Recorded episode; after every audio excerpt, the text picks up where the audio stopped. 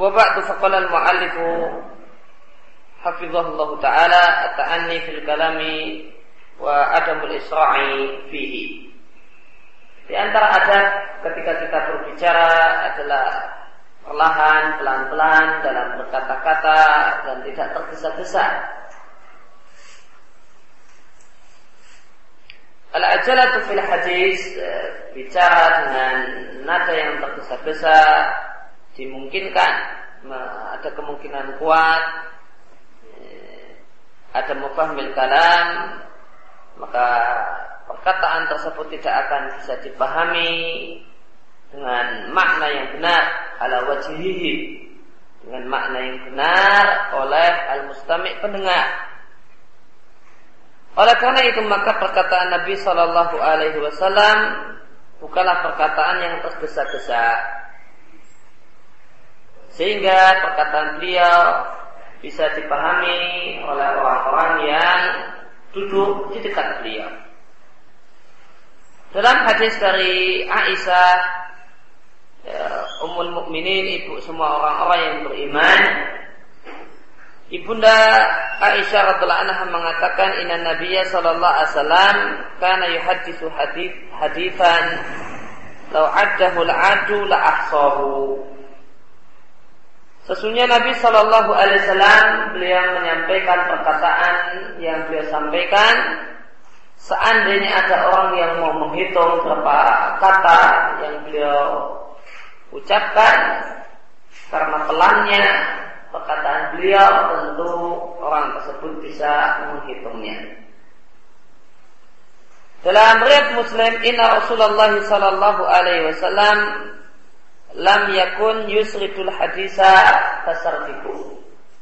Sesungguhnya Rasulullah sallallahu alaihi wasallam kalau ngomong tidak nyerocos bagaimana kalian. Tidak uh, nyerocos itu bahasa Indonesia-nya apa? ya, tidak tergesa-gesa dalam berbicara sebagaimana gaya bicara kalian. Dalam riwayat Ahmad karena Rasulullah sallallahu alaihi wasallam la yusridu sardakum hada. Sesungguhnya Rasulullah sallallahu alaihi wasallam jika berbicara tidaklah tergesa-gesa, tidaklah nyerocos sebagaimana nyerocosnya kalian. Ya takallamu bi kalamin bayyinin itu mungkin haknya itu uh, seharusnya tidak ada. Ya takallamu fi kalamin bayyinin faslin bukan faslun bukan faslin yahfaduhu man sami'ahu. Nabi Shallallahu Alaihi Wasallam jika berbicara maka beliau berbicara dengan bayin dengan jelas, faslin dengan jelas,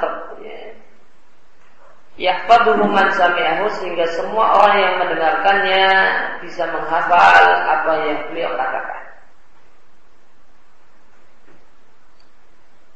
Tentang perkataan Ibunda Aisyah radhiallahu anha, lam yakun yusridul hadis kasarjikum. Nabi Shallallahu Alaihi Wasallam kalau ngomong tidaklah nyocos sebagaimana kalian.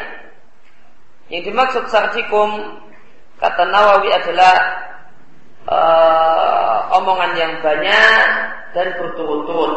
Ya. Ya. Kalau bahasa Jawanya nyocos, ya. banyak dan berturut-turut.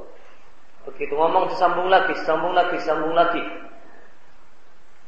Ibnu Hajar mengatakan Yutabiul hadisah yang dimaksud dengan sardikum adalah berbicara dengan berturut-turut, nampak karena tergesa-gesa, ya, sebagian kata terucap setelah sebagian berikutnya. Tidak ada tidak ada berhenti untuk ambil nafas, tidak ada berhenti untuk uh, diam sesaat, terus berturut-turut. Nyocok bahasa. Di ala yalta bisa alal mustami'i Nabi Shallallahu Alaihi Wasallam kalau tidak kalau berbicara tidaklah nyerocos dengan tujuan supaya tidak menimbulkan kerancuan, kesalahpahaman pada pendengar. Maka di antara adab dalam berbicara ya, adalah berbicara pelan dan tidak tergesa-gesa.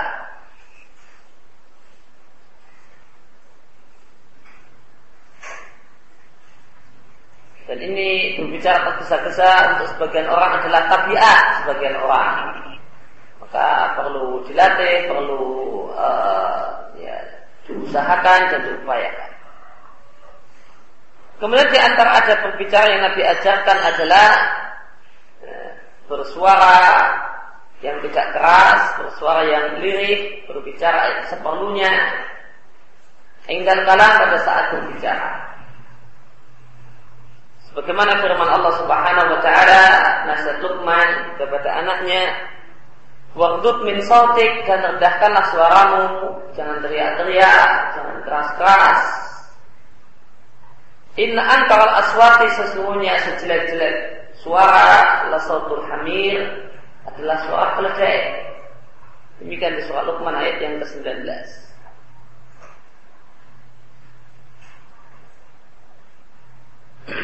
Yang dimaksud dengan wardud min sautik, rendahkanlah suaramu, maka rendahkanlah suaramu sebagai bentuk adab dengan orang lain.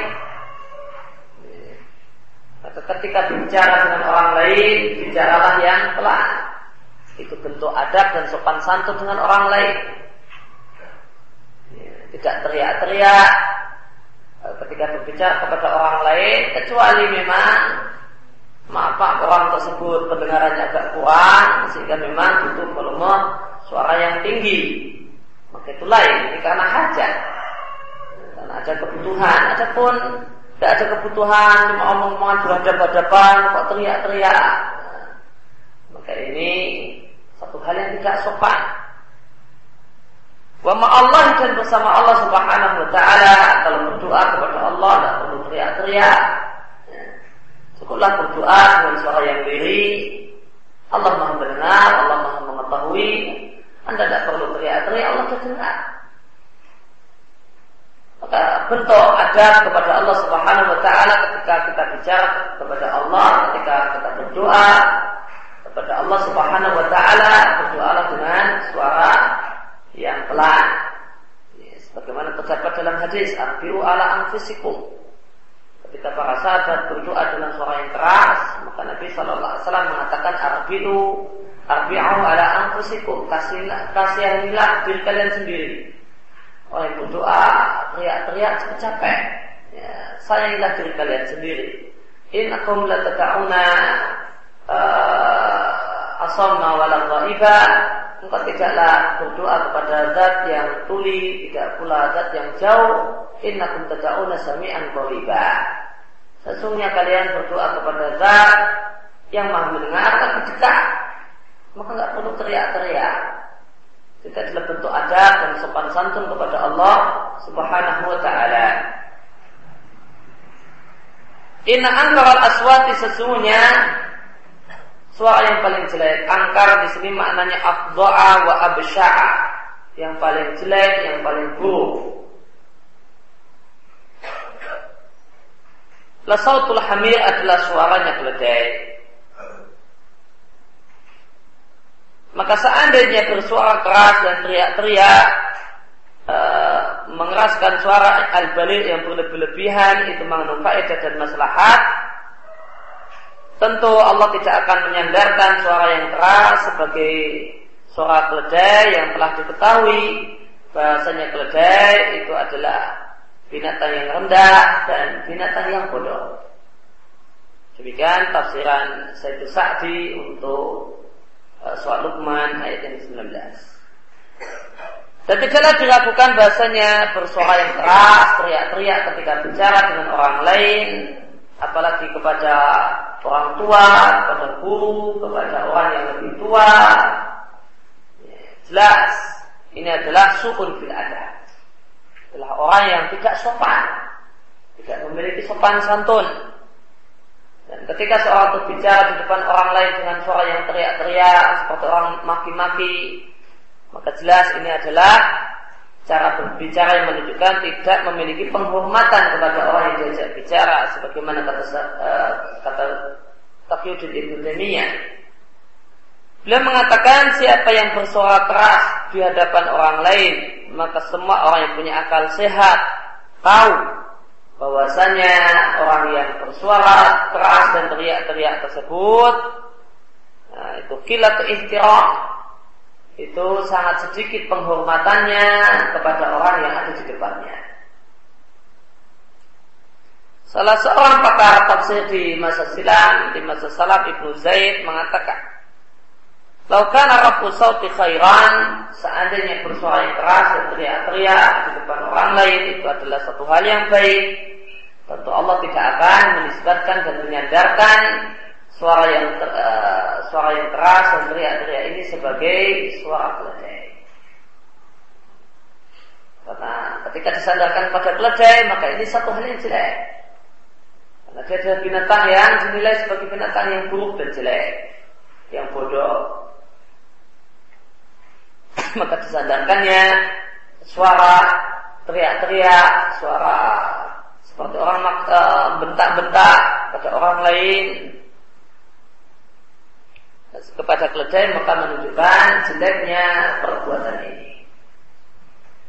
Jika demikian adab kepada umumnya manusia ketika kita bicara kepada meskipun orang tersebut orang yang selevel dengan kita, kawan kita sekalipun uh, adalah uh, kita punya kewajiban untuk beradab dengan berbicara dengan suara yang pelan dan tidak teriak-teriak.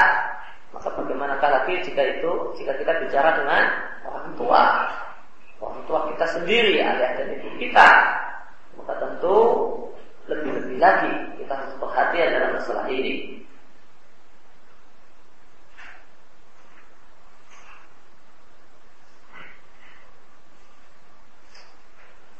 Kemudian alfadun wa kalimatun tujtanabud lafad-lafad dan kalimat-kalimat ya kata-kata dan kalimat-kalimat yang perlu dijauhi. Terucap pada lisan sebagian orang yang berbicara beberapa ungkapan, beberapa kata yang dilarang oleh syariat. Boleh jadi mereka tidak mengetahui hukumnya. Wahmul akbar dan itulah mayoritas mereka. Dan boleh jadi mereka telah mengetahui hukumnya akan tapi mereka mengucapkan kalimat tersebut karena lupa. Dan yang paling jelek dan yang paling gawat adalah orang yang mengucapkan kalimat-kalimat tersebut aliman amidan dalam keadaan mengetahui hukumnya dan sengaja mengucapkannya. Dan kondisi sadar dia mengucapkannya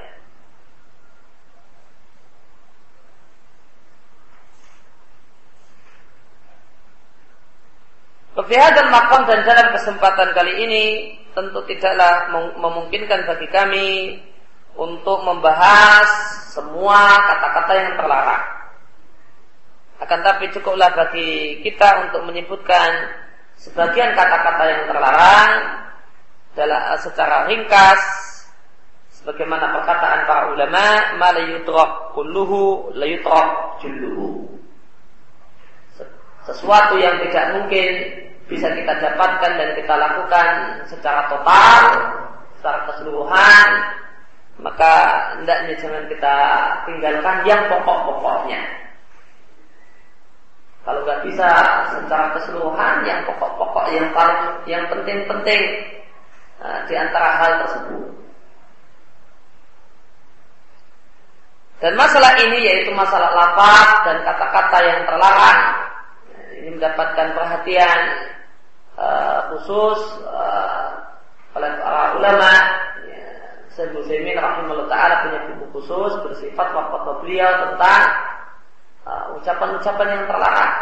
Kita juga seperti Abu Zaid uh, rahimahullah taala punya mujam punya daftar kamus kalimat-kalimat dalam bahasa Arab yang terlarang untuk diucapkan secara syariat.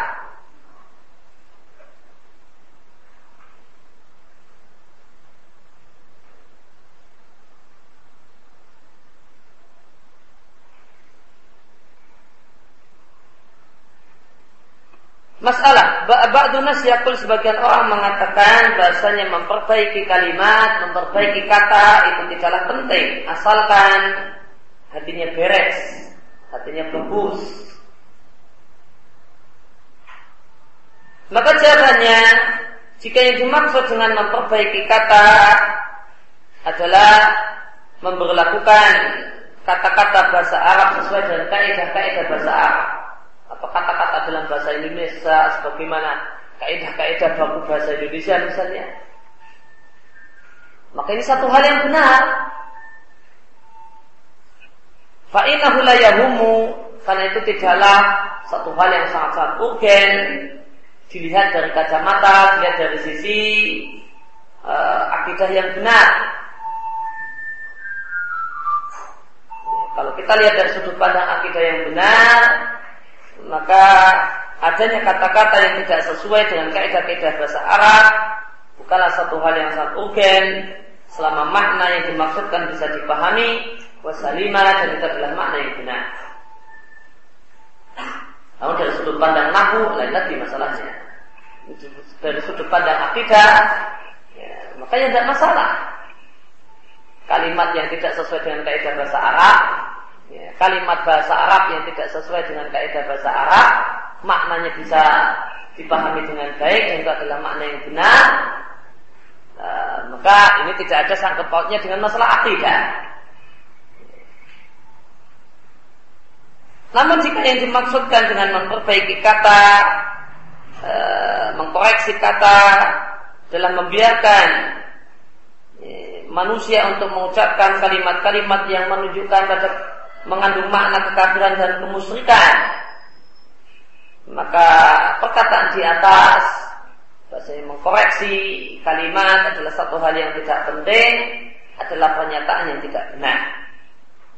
Bahkan memperbaiki kalimat-kalimat yang mengandung muatan kekafiran dan kemusyrikan adalah satu hal yang sangat-sangat urgen. Tidaklah mungkin kita katakan kepada manusia berbicara semau anda, atlet lisanaka. Berbicaralah semau anda, katakan, ucapkan segala sesuatu yang anda inginkan, asalkan niat anda dengan niat yang baik dan benar. Namun kita katakan bahasanya kalimat yang boleh kita ucapkan itu dibatasi dengan aturan syariat Islamiyah. Maka kalimat-kalimat yang dibolehkan oleh syariat itulah yang boleh kita ucapkan.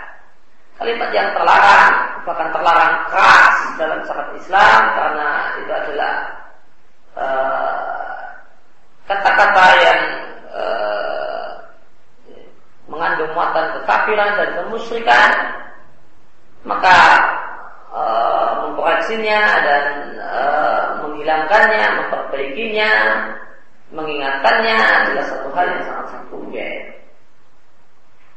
Demikian jawaban saya Mutaimin berkaitan dengan perkataan dan pernyataan di atas.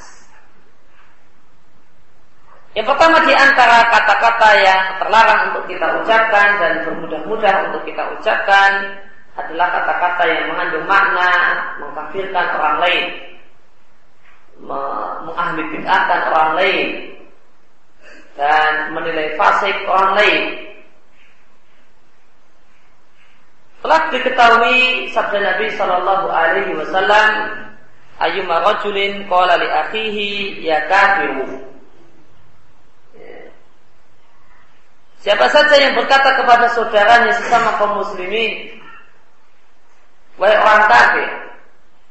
Maka yang terlarang adalah mengkafirkan bukan orang kafir. Adapun meyakini kafirnya orang kafir, maka tidak masalah.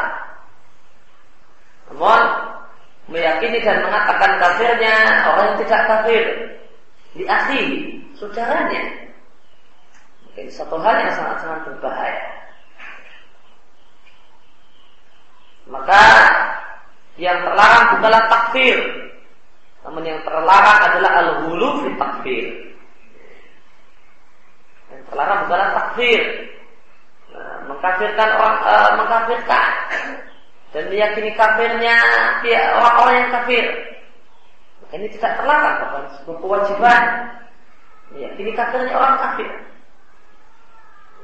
Namun yang terlarang adalah ungkapan kafir ini ya, dijadikan sebagaimana kacang goreng. Ya, uh, bermudah-mudah orang mengucapkannya, orang tidak memperhatikan kaidah-kaidah dalam mengucapkannya, sehingga jadilah al-hulu fit takfir.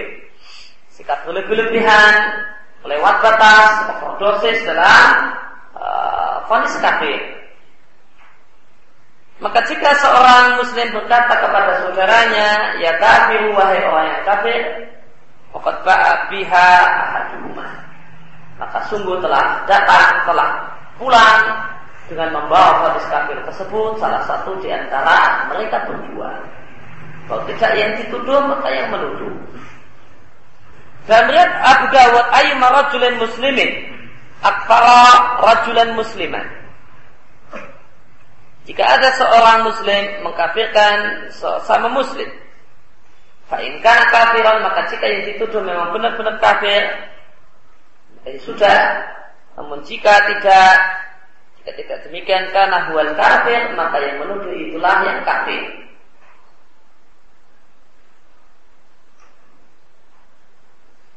Maka menuduh kafir orang yang tidak kafir adalah perbuatan kekafiran.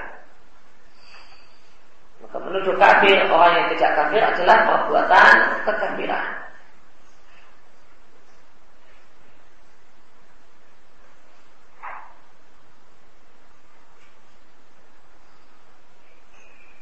Saya tidak, kita tidak katakan biasanya orang yang menuduh kafir orang yang tidak kafir dia kafir dan murtad tidak kita katakan orang yang menuduh kafir, orang yang tidak kafir, dia telah melakukan kekafiran. Perbuatannya adalah perbuatan kekafiran, kufur asghar. Wa ta'ifatu minan nas dan sejumlah manusia di antara orang-orang yang Allah butakan mata hatinya mereka walahu fi nas mereka menjilati atau menodai kehormatan manusia dengan bentuk memfonis orang lain dengan fonis kafir atau fonis uh, tadi uh, fonis sebagai ahli bid'ah ya, tafsir dan fonis sebagai orang yang fasik maka mereka bermudah-mudah untuk mengatakan selain dari diri mereka adalah mubtadi, ahli bid'ah, orang yang sesat, hisbi, suuri atau uh, kalimat-kalimat tabdi yang lainnya, kalimat-kalimat panis uh, sebagai ahli, ahli bid'ah yang lainnya. Maka mereka sangat-sangat mudah lisan mereka untuk mengucapkan kata-kata tersebut. Dan itu satu hal yang sangat-sangat berat yang harus ber, harus dipikir dan ditimbang berulang-ulang untuk mengucapkannya. Karena Allah seakan-akan Allah Subhanahu wa taala uh, memerintahkan mereka untuk beribadah kepada Allah dengan ucapan dan tuduhan-tuduhan semacam itu.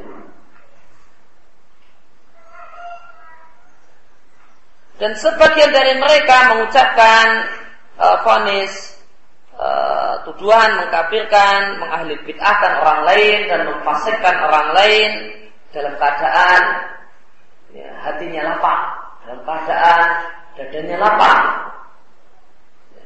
tidak merasa berat, tidak merasa sulit dengan penuh kelapangan hati. Ma'ana salaf padahal uh, para ulama salaf itu para sahabat dan orang-orang yang berjalan di atas petunjuk para sahabat yaitu para iman kaum muslimin semacam Abu Hanifah, Malik, Syafi'i dan Ahmad mereka adalah orang yang sangat berat atau sangat sering yataharajuna min dzalika katsiran. Sangat sering mereka sangat berat hati untuk mengucapkan kata-kata semacam itu. Terlebih-lebih lagi fonis dan kafir.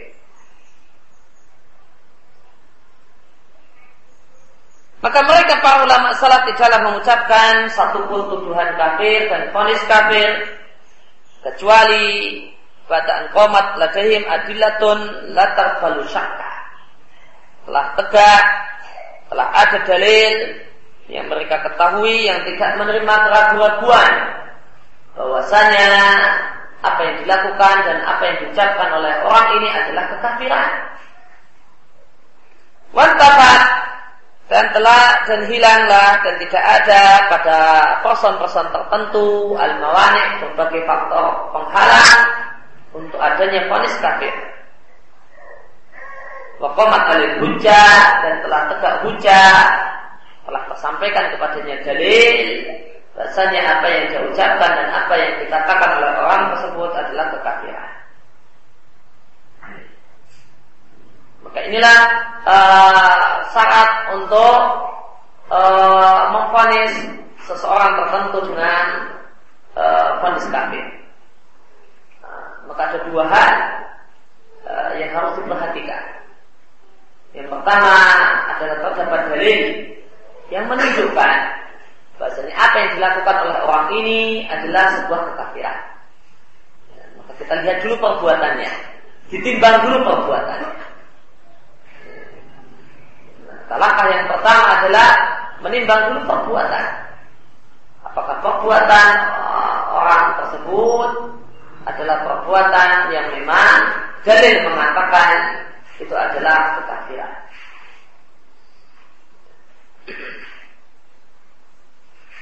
Maka yang jadi tolak ukur adalah dalil, bukan perkataan orang, bukan perkataan ulama sebesar apa pun ilmunya dan semulia apa pun uh, orang tersebut di hati kita. Yang jadi ukur adalah dalil, terdapat dalil yang menunjukkan bahasanya perbuatan semacam ini adalah perbuatan pembatal iman. Baru setelah itu langkah yang kedua adalah berkaitan dengan persoalan. Berkaitan dengan persoalan. Maka untuk person maka uh, perlu dilihat apakah terpenuhi pada dirinya syarat-syarat oh, untuk difonis dan dinilai sebagai orang kafir uh, dan bilang ataukah tidak faktor-faktor penghalang untuk difonis sebagai orang kafir. Maka jika dua tahapan ini telah dilalui dengan baik, dengan cermat, dengan teliti, dengan objektif, maka baru ada uh, kafir, ponis murtad untuk person-person tertentu. Dari Abu Bakar, beliau mengatakan, kalau Sallallahu Alaihi Wasallam di khutbah Yamin Nahri, Rasulullah Sallallahu Alaihi Wasallam bersabda ya, dalam khutbah beliau uh, di ketika hajatul wada uh, yang menahri uh, pada saat tanggal 10 Dzulhijjah yaitu khutbah Arafah uh, atau tanggal 10 ya beliau sampaikan khutbah beliau ini di Mina ini khutbah beliau di Mina bukan di Arafah sama yang menahar tanggal 10 bukan tanggal 9 maka ketika hajatul wada Nabi berkhutbah dua kali. Pertama pada tanggal 9 khutbatul Arafah. Ya, beliau berkhutbah di Namirah. Ya, yang Namirah ini sebenarnya di luar Arafah. Kemudian pada tanggal 10 beliau berkhutbah di Mina. Nabi Shallallahu Alaihi Wasallam mengatakan ketika di khutbah beliau di Mina, fa inna dima'akum wa amwalakum wa aradakum bainakum haram. Sesungguhnya darah, harta dan kehormatan kalian adalah haram untuk diganggu oleh sesama kalian. Dan di antara mengganggu kehormatan adalah memfonis orang sebagai ahli bid'ah, ya, sebagai hisbi, sebagai suhuri, ya, tanpa hujah. Demikian juga termasuk mengganggu kehormatan adalah menuduh orang lain sebagai orang kafir tanpa alasan. Kahurmati yaumikum hada fi syahrikum hada fi baladikum hada. Sebagaimana kehormatan hari ini tanggal 10 Dzulhijjah yang merupakan Idul Adha. Fi syahrikum hada di bulan yang mulia ini itu bulan Dzulhijjah yang merupakan salah satu bulan haram. Fi baladikum hada ya, di negeri kalian ini yaitu uh, tanah haram dan Mina adalah tanah haram Beda dengan Arafah. Ya, Arafah bukan termasuk tanah haram. Arafah itu di luar tanah haram. Maka ini jelas tidak Nabi katakan di Arafah. Ya, karena Arafah tanah halal. Mina dan Musdalifah tanah haram. Di baladikum hada di negeri kalian ini yaitu di tanah haram, di Mina yubalighi syahidu al-ghaiba. Hendaknya orang yang mendengar apa yang aku sampaikan saat ini menyampaikannya. Maka apa yang Nabi katakan Di sini sama persis dengan apa yang Nabi katakan di tempat yang lain, balihu ani walau ayat. Sampaikan dari meskipun hanya sekedar satu ayat. Karena Nabi sampaikan bahasanya Nabi perintahkan agar orang-orang yang mendengarkan ilmu menyampaikan kepada orang-orang yang tidak mendengarkannya. Maka ilmu itu adalah ilmu yang bermanfaat adalah ketika itu didakwahkan dan disampaikan kepada orang lain dan tidak dipendam hanya untuk diri sendiri. Dan untuk menyampaikan ilmu, sampaikan ilmu yang telah diketahui, tidak harus muluk-muluk menjadi ulama besar. Fa'ina syahida asa ayballigha man wa aw'a lahu. Maka sebenarnya orang yang menyaksikan itu boleh jadi menyampaikan hadis, menyampaikan ilmu kepada orang yang lebih paham tentang maksud ilmu tadi daripada yang menyampaikannya. Maka orang yang tidak mendengar langsung itu boleh jadi lebih paham daripada yang mendengar langsung.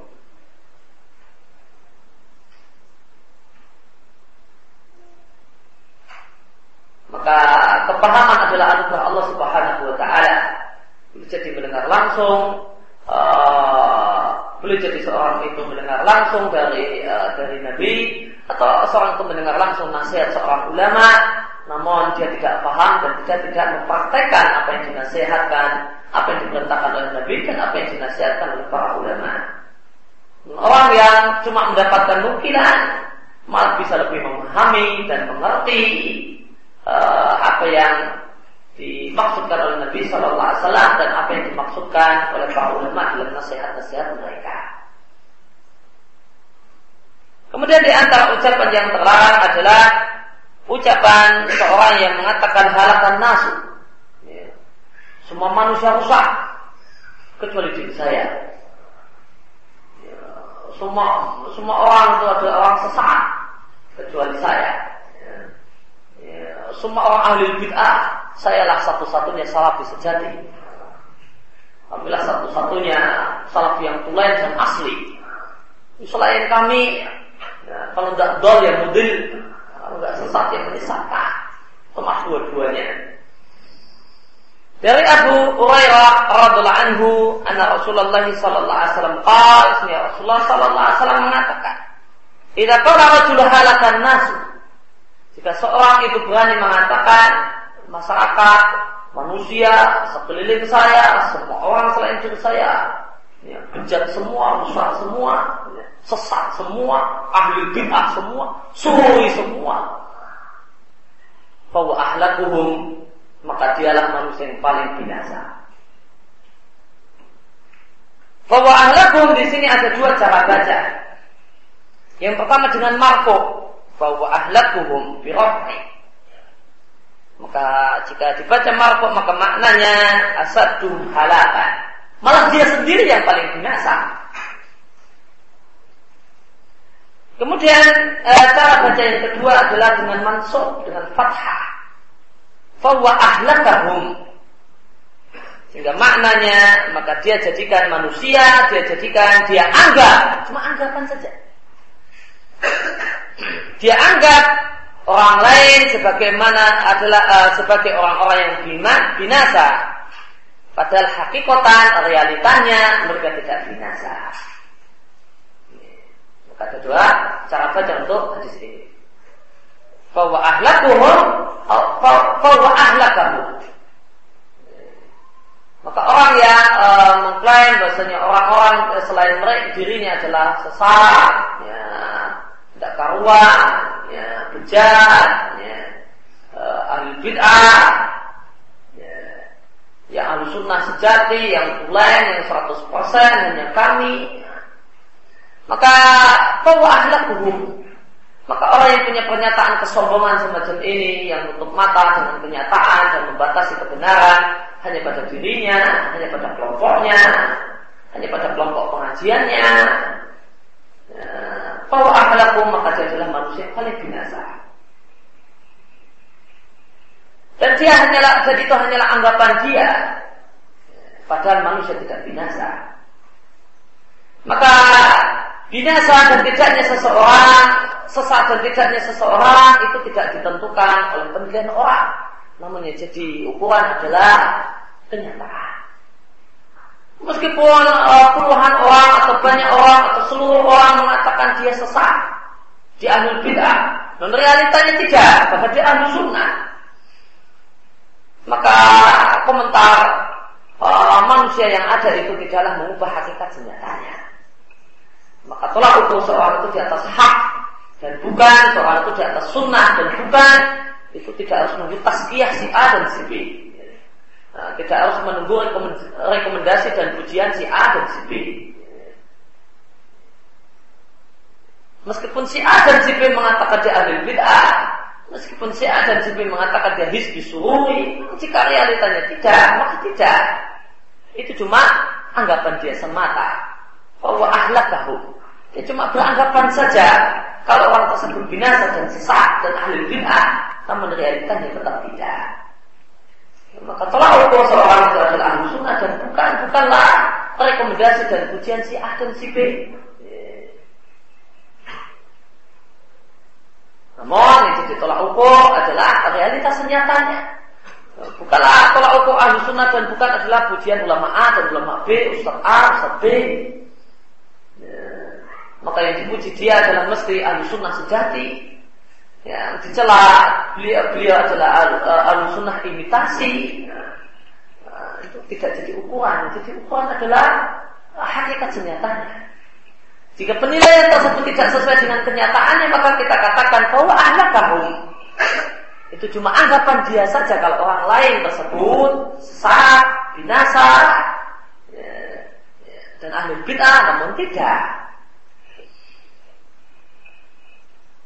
Maka sebagian orang ngeri dengan uh, dengan komentar orang, orang sebagian orang demikian ketakutan Oh nanti kalau kalau kalau demikian maka nanti si fulan akan akan mengeluarkan vonis ini dan itu. Subhanallah sangat geli seakan-akan uh, si A dan si B itulah yang punya kewenangan untuk uh, memberi cap dan stempel di kepala masing-masing orang. Oh ini loh ahli sunnah dan ini loh ahli bid'ah. Dan satu hal yang patut kita camkan bahwasanya tolak ukur seseorang, tolak ukur nilai dari seseorang di mata Allah Subhanahu wa taala dan di hadapan Allah Subhanahu wa taala adalah kenyataan sesungguhnya dan bukan pujian si A dan si B. Tentang hadis ini An-Nawawi menjelaskan bahasa para ulama sepakat bahasa celaan ini inama huwa hanyalah tertujukan untuk orang yang mengucapkan kalimat di atas dalam bentuk al-isra e, merendahkan orang lain dan meremehkan orang lain dan mengunggulkan diri sendiri daripada orang lain dan menjelek-jelekkan kondisi orang lain. Karena dia tidaklah mengetahui rahasia Allah Subhanahu wa taala dalam makhluknya. Kalau para ulama mengatakan, adapun orang yang mengucapkan kalimat di atas dan itu adalah kalimat yang sesuai dengan realita. Maka keadaan manusia yang rusak. Ya, secara akhlak, secara uh, merusak keadaannya. Tahazunan dan dia ucapkan kalimat tersebut karena sedih, karena susah, mikirkan keadaan sekelilingnya, mikirkan realita masyarakatnya. Lima ya nafsi karena dia lihat kondisi dirinya ya, dan kondisi manu, uh, manusia secara umum yang tidak sempurna dalam uh, praktek beragama kalau ba'asabi maka hukumnya tidak mengapa. Kama kala sebagaimana dikatakan oleh sebagian ulama salaf yaitu Abu Darda Allah anhu eh, beliau mengatakan uh, dan ini yang beliau katakan di zaman itu bagaimana di zaman setelahnya la a'rifu min ummati Nabi sallallahu alaihi wasallam aku tidaklah uh, mengetahui satupun ajaran Nabi Shallallahu Alaihi Wasallam yang dipraktekkan oleh umatnya kecuali tinggal sholat berjamaah.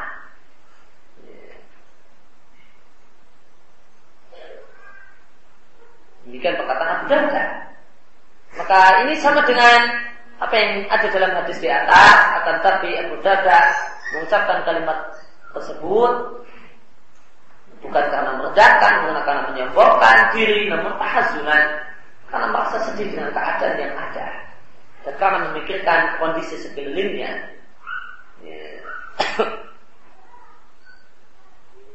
Demikian penjelasan Imam Malik dan uh, dan para ulama setelahnya pun mengikuti beliau dalam menjelaskan di menjelaskan hadis di atas.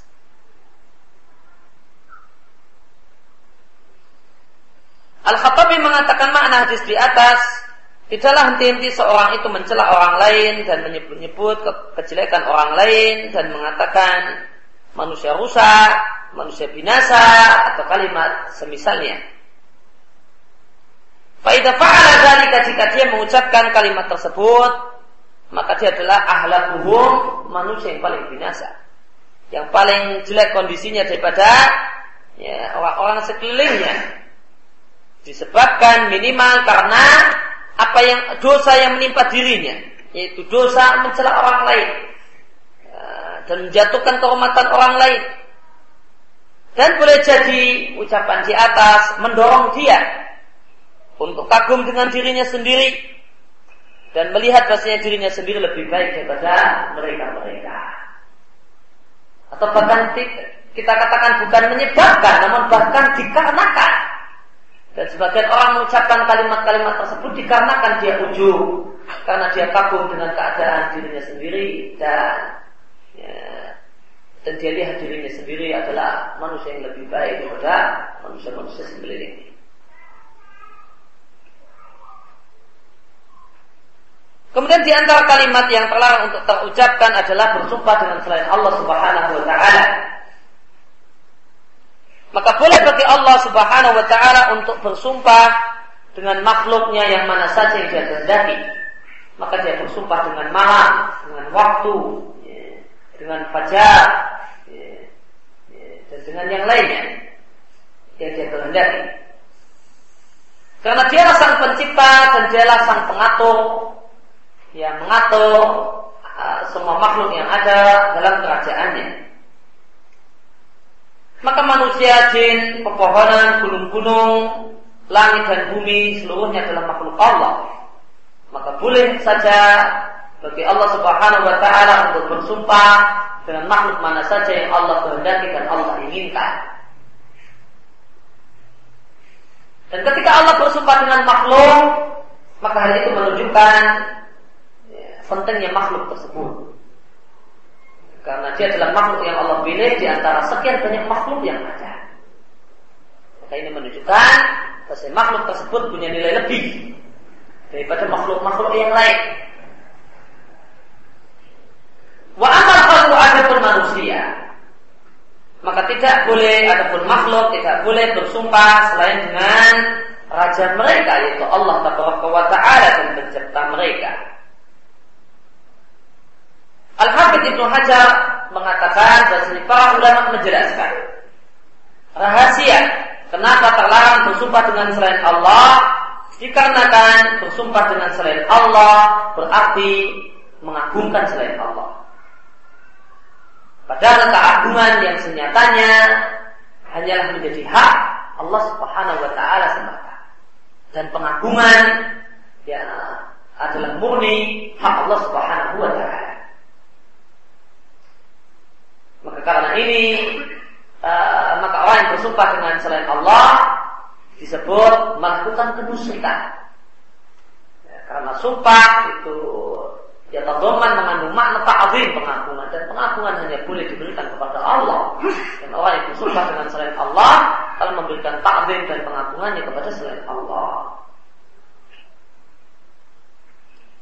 Dan bersumpah dengan makhluk itu jika dalam bahasa Arab maka, maka dengan menggunakan salah satu kosan yang jumlahnya ada tiga dan disandarkan kepada Allah yaitu wallahi billahi dan wallahi. Atau boleh juga bersumpah dengan kemuliaan Allah bersumpah dengan sifat-sifat Allah dan bersumpah dengan firman-firman Allah Sebagaimana judul bab yang ada dalam Sahih Bukhari, bab tentang bolehnya bersumpah dengan kemuliaan Allah, sifat Allah dan firman-firman Allah.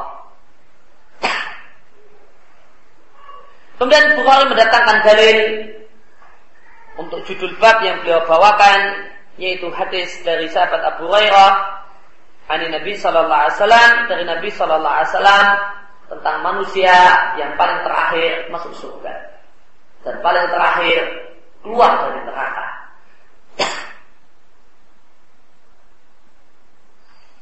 Ya bahwa julun bainal jannati wan. Ya. Maka orang tersebut pertama kali Allah keluarkan dari neraka. Ya. Kemudian eh, setelah keluar dari neraka, wajahnya masih menghadap ke arah neraka. Maka dia manusia ini mengatakan, Ya Rabbi isrif wajahi aninar. Ya Allah palingkanlah wajahku, geserkanlah badanku dari menghadap neraka. La wa izzatika. Lah di sini harfu tanbih. Wa izzatika demi kemuliaan. Eh, La as'aluka ghairaha. Aku tidaklah akan meminta selain itu. Itulah permintaan satu-satunya dia dikeluarkan dari neraka ini manusia yang terakhir. Kalau dari neraka setelah keluar dari neraka namun masih posisi wajahnya menghadap ke neraka. Maka yang dia, dia lihat neraka dari penggirian neraka. Maka dia berdoa ya Allah demi kemuliaanmu palingkanlah wajahku dari api neraka dan aku tidak akan minta yang lain. Dan Allah berfirman padanya benar saya tidak akan minta-minta yang lain. Cuma ini saja takdir ini saja. Benar ya Allah tidak akan minta yang lain setelah Allah kabulkan, maka ternyata dia minta yang lain. Demikianlah manusia. Setelah Allah kabulkan, Allah palingkan wajahnya dari neraka, maka dia melihat surga. Maka kemudian dia berdoa, Ya Allah, dekatkanlah aku ke pintu surga. Demi kemuliaanmu, aku tidak akan minta yang lain. Ini saja. Kemudian Allah katakan benar kau hanya akan minta itu saja. Cuma deket pintu surga gak masuk lo. Ah, cuma di depan pintu surga.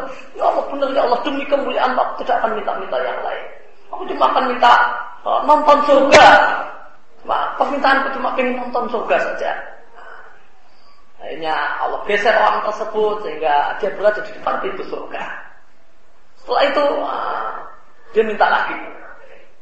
Dia lupakan janjinya. Dia lupakan janjinya kepada Allah Subhanahu wa taala. Ya Allah masukkanlah aku ke dalam surga. Maka kemudian Allah Subhanahu wa taala kita memerintahkan kepadanya ya, masuklah uh, ke dalam surga dan untukmu sepuluh kali lipat dunia. Untukmu sepuluh kali lipat dunia. Maka dia mengatakan, Ya Allah apa engkau mengejek saya dan mengolok-olok saya. Masa untukku sepuluh kali lipat dunia padahal aku orang yang demikian tidak karuan. Jangan kau ejek-ejek aku ya Allah. Maka Allah katakan demikianlah karuniaku. Dan inilah, eh, inilah uh, orang yang Nabi katakan manusia yang terakhir masuk surga dan orang yang terakhir keluar dari neraka. Maka Allah Subhanahu wa taala hargai iman orang tersebut yang boleh jadi bergelimang maksiat, boleh jadi bergelimang bid'ah yang tidak mengeluarkan dari iman. Hargai iman yang sangat-sangat rendah, yang sangat-sangat kecil dengan 10 kali lipat nikmat dunia. Betapa mulianya iman dan betapa pentingnya iman. Namun iman yang benar yang tidak ternodai uh, kemusyrikan, tidak ternodai hal-hal yang membatalkan iman.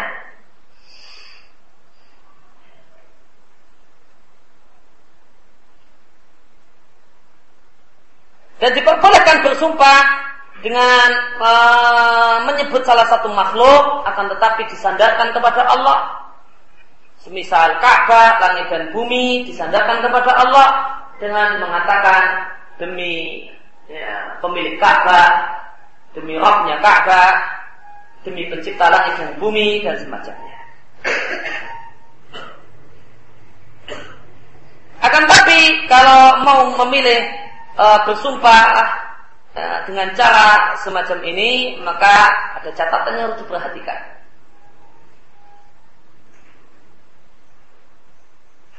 Yaitu kita sucikan Allah sang pencipta Allah Jalla wa'ala dari penisbatan makhluk yang jelek ya, jika kita nisbatkan kepada Allah Subhanahu wa taala meskipun uh, secara realita Allah adalah penciptanya.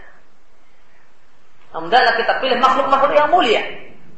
Demi pencipta langit dan bumi, demi pencipta Ka'bah, demi pemilik ya, demi pencipta lautan, demi pencipta uh, para uh, demi rohnya para malaikat. Demi rohnya para nabi dan rasul. Ini boleh jangan. Demi pencipta anjing-anjing dan babi. Tidak boleh. Demi pencipta belatung-belatung yang suka makan babi manusia yang hidup di tempat-tempat kotor tidak boleh Nah, tidak sopan dengan Allah Subhanahu wa taala. Meskipun benar Allah itu pencipta anjing dan babi, namun nggak boleh. Uh, wa rabbil qilab wal khunazir. Demi pencipta demi Allah pencipta uh, anjing dan babi. Benar Allah itu pencipta anjing dan babi gak salah. Oh, nggak boleh. Maka sesuatu yang yang yang benar belum tentu boleh. Benar memang Allah pencipta anjing dan uh, anjing dan babi namun nggak boleh itu benar Allah itu wah kilap wal khunazir itu nggak salah Allah itu pencipta anjing dan babi. Itu tidak salah kalimatnya. Isinya tidak salah. Akan tapi tidak boleh.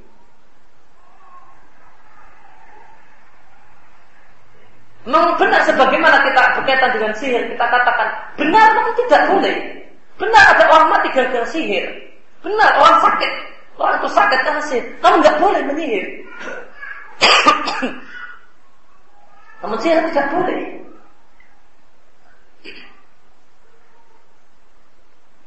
Akan tapi uh, al-adab kepada Allah mengharuskan kita untuk meninggalkan hal tersebut.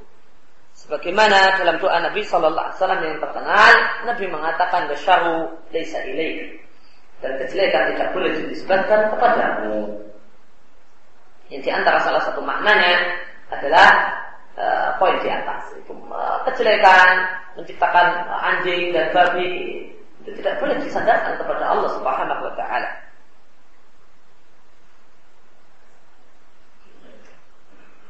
Allah pencipta penyakit, kamu nggak boleh demi Allah pencipta uh, penyakit tipes, penyakit tidak boleh. Allah memang yang menciptakannya. Memang meskipun Allah yang menciptakannya, namun kita tidak boleh mengatakannya. Ta'aduban Allah sebagai bentuk adab dan sopan santun kepada Allah Subhanahu wa taala bukan karena uh, kita mengingkari kalau itu adalah makhluk ciptaan Allah Subhanahu wa taala. Ma'anahu padahal Allah adalah pencipta kebaikan dan keburukan. Demikian juga ada beberapa kata yang kita uh, dengar dari Nabi Shallallahu Alaihi Wasallam, ucapan-ucapan sumpah yang terucap dari Nabi Shallallahu Alaihi Wasallam, dan ucapan-ucapan tersebut tercakup dalam uh, sebenarnya bisa masuk dalam tiga kategori di atas. Nah, tadi penulis menyampaikan uh, cara bersumpah yang benar adalah uh, tiga hal. Yang pertama adalah bersumpah dengan menyebut nama Allah. Maka kata yang dipakai adalah Allah itu sendiri. Kemudian yang kedua adalah ya, dengan uh, sifat-sifat uh, Allah Subhanahu wa taala. Dan di antara sifat Allah adalah firman-firman Allah. Dan di antara sifat Allah adalah kemuliaan Allah. Kemudian yang ketiga, cara yang ketiga adalah ya, dengan menyebut makhluk yang disandarkan kepada Allah.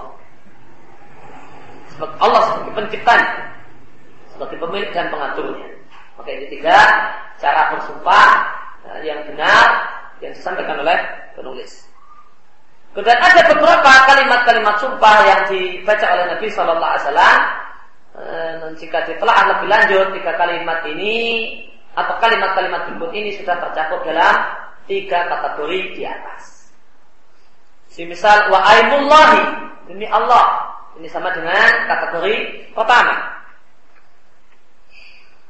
Walladzi nafsi biyadihi demi zat yang jiwaku ada di tangannya.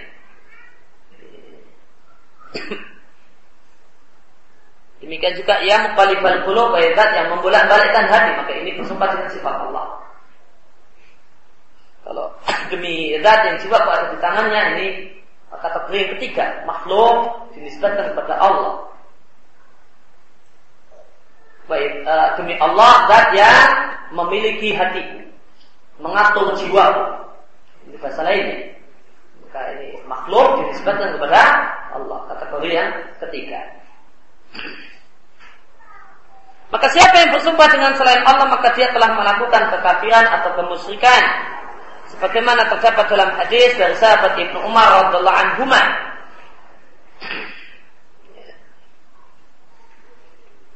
Dia telah Tirmidzi bahasanya Ibnu Umar mendengar seorang mengatakan la wa ka'bati. Tidak demi Ka'bah. Maka Ibnu Umar mengatakan janganlah e, bersumpah la yuhlaku bi tidak boleh bersumpah dengan selain Allah. Karena aku mendengar Rasulullah sallallahu alaihi wasallam bersabda, "Man halafa bi ghairillahi faqad kafara au asyraka."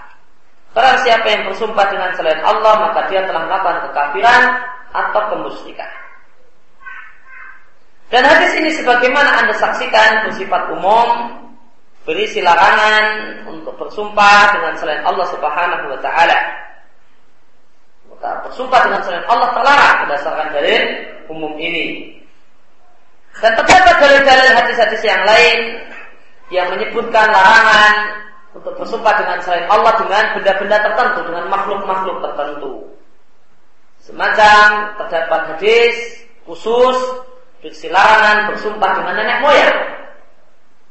Dari Ibnu Umar radhiallahu anhu dia mengatakan Anahu adraka Umar bin Khattab uh, fi rabbin wa yahlifu bi abihi Sesungguhnya Nabi Shallallahu Alaihi Wasallam menjumpai atau berhasil menyusul Umar bin Khattab bersama rombongan dan ketika itu Umar bersumpah dengan nama menyebut nama bapaknya.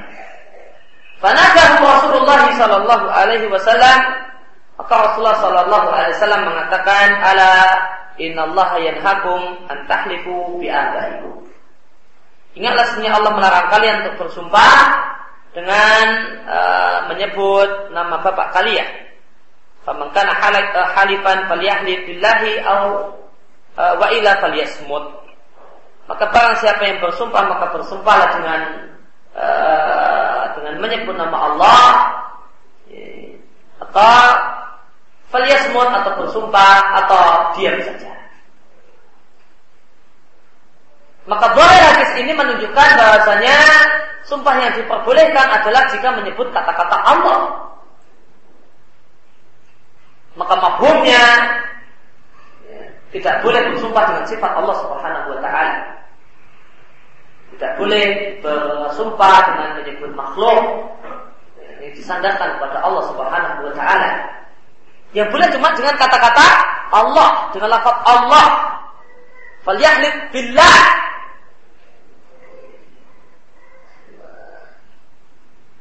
Zahir hadisnya demikian. Mafhumnya lah, tidak boleh wa izzatillah. Ya muqallibal qulub ya wa ma sebagaimana wa muqallibal qulub. Zahir hadis ini tidak boleh. Yang dibolehkan satu-satunya adalah lafaz Allah. Namun mafhum yang ada dalam hadis ini tidak berlaku. Mafhum yang ada dalam hadis ini tidak berlaku berdasarkan dalil-dalil yang lain yang kita baca pasti di antara uh, sumpah yang diperbolehkan wa isabillah di antara sumpah yang diperbolehkan ya wa muqallibal qulub dan dan semisal itu itu sifat-sifat Allah Subhanahu wa taala yang lain. Maka kesimpulannya mafhum dari zahir hadis falyahlil billah ya, wa idza falyasmut itu tidak terpakai. Karena kalau berdasarkan dari hadis ini pilihannya cuma dua. Gunakan lafaz Allah, kalau tidak dia maka tidak boleh wa izatillah dan yang lainnya. Oh, bil Ka'bah dan seterusnya. Namun makhluk ini tidak berlaku. Kenapa? Karena terdapat dalil yang menunjukkan bolehnya bersumpah dengan sifat-sifat Allah Subhanahu wa taala.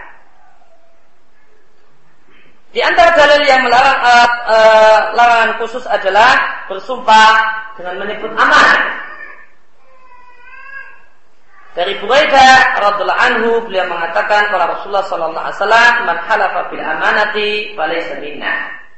Orang siapa yang bersumpah dengan amanah demi amanah misalnya. Falaysa minna maka bukalah umat. Maka termasuk juga terlarang bersumpah dengan nama Nabi demi Nabi atau bersumpah dengan kehidupan demi hidupmu atau dengan, demi hidup fulan dan yang lainnya yang merupakan sumpah-sumpah selain Allah Subhanahu wa taala. Ini kan juga sumpah dengan uh, dengan kemuliaan. Demi kemuliaanku aku berjanji. Bersabda. Demi kemuliaanku aku berjanji. Bersumpah dengan selain Allah Subhanahu wa taala. Dengan kemuliaanku. Ini adalah kemusyrikan. Di mana letak kemusyrikannya? Tadi sebagaimana telah kita sampaikan, uh, bahasanya uh, ketika orang itu bersumpah dia tidak akan menyebut nama kecuali al-mu'azzam, sesuatu yang sangat dia muliakan, sangat diagungkan. Maka orang yang bersumpah dengan selain Allah, bersumpah dengan uh, kemuliaan, maka dengan kemuliaan dirinya bukan kemuliaan Allah. Kalau dengan kemuliaan Allah nggak apa-apa demi kemuliaan Allah. Oh, jika demi kemuliaan, kemuliaan makhluk, ya, maka ini uh, bersumpah dengan selain uh, Allah selain sifat Allah dan sifat Allah Subhanahu Wa Taala dan nama-nama Allah Subhanahu Wa Taala. Dan orang yang bersumpah dengan selain Allah, maka dia menyebutkan sesuatu yang sangat-sangat diagungkan dan dia muliakan. Dan pengagungan adalah hak Allah Subhanahu Wa Taala. Maka dari sisi ini, maka dia telah melakukan kemusyrikan yaitu memberikan pengagungan kepada selain Allah Subhanahu wa taala. Meskipun para ulama menjelaskan bahasanya statusnya apakah membatalkan iman atau tidak, maka ada dua perincian. Jika seorang itu bersumpah dengan menyebut selain Allah, misalnya demi kemuliaanku, ya, dan uh, dan di dalam hatinya terdapat Eh, ketakutan dan pengagungan kepada nama yang disebutkan dalam sumpah tersebut sebagaimana pengagungan dan ketakutan kepada Allah maka ini syirik besar kepada iman. Dan jika itu cuma sekedar uh, sekedar kalimat yang terucap ya, sekedar ikut-ikutan. Maka ini adalah syirik kecil. Ya, yang statusnya adalah dosa besar.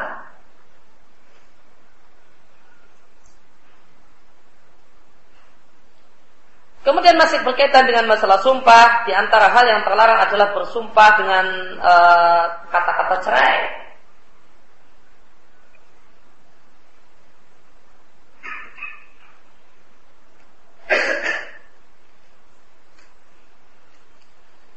Inda ba'di juhalinas ya, uh, tersebar di antara manusia-manusia yang bodoh, ya, di antara manusia-manusia orang-orang yang bodoh, sama orang-orang Arab, ya, bersumpah dengan tolak. Contoh kalimat bersumpah dengan tolak adalah saya akan melakukan demikian jika tidak istri saya tercerai. Jika tidak istri saya tercerai. Ini namanya atau al-halif bitolak. Saya akan berbuat demikian jika tidak istri saya tercerai. Jika saya, saya tidak melakukannya, maka istri saya tercerai. Alayat talaqut salasan la. Atau seorang mengatakan, aku tidak akan melakukan demikian. Jika aku melakukannya, maka istriku ku cerai tiga kali. Dan kalimat semisalnya. Kalimat semisalnya. Maka orang yang bodoh ini telah menjadi sebab dirinya sendiri telah menjadi sebab robohnya rumah tangganya dan menzalimi istrinya yang tidak ada dosa, yang tidak salah, yang tidak bersalah kepadanya. Maka cerai tanpa alasan itu adalah kezaliman. Cerai tanpa alasan zulm dan kezaliman. Meskipun sah, tidak disyaratkan untuk bukan termasuk syarat sah cerai dalam hukum Islam, dalam fikih Islam, cerai tersebut harus cerai beralasan. Cerai tidak beralasan sah. Ya. Suami mencerai istrinya tanpa alasan apa pun. Apa alasan? Ya saya ingin cuma mencerai kamu saja. Tanpa alasan apa pun. Sah. Akan tapi ya, apakah bermasalah apakah tidak? Tidak jawabannya bermasalah. Karena cerai tanpa tanpa alasan adalah kezaliman, zalim kepada anak-anak dan yang lainnya dan tanpa yang lain uh, yang merupakan derivat dari terjadinya perceraian.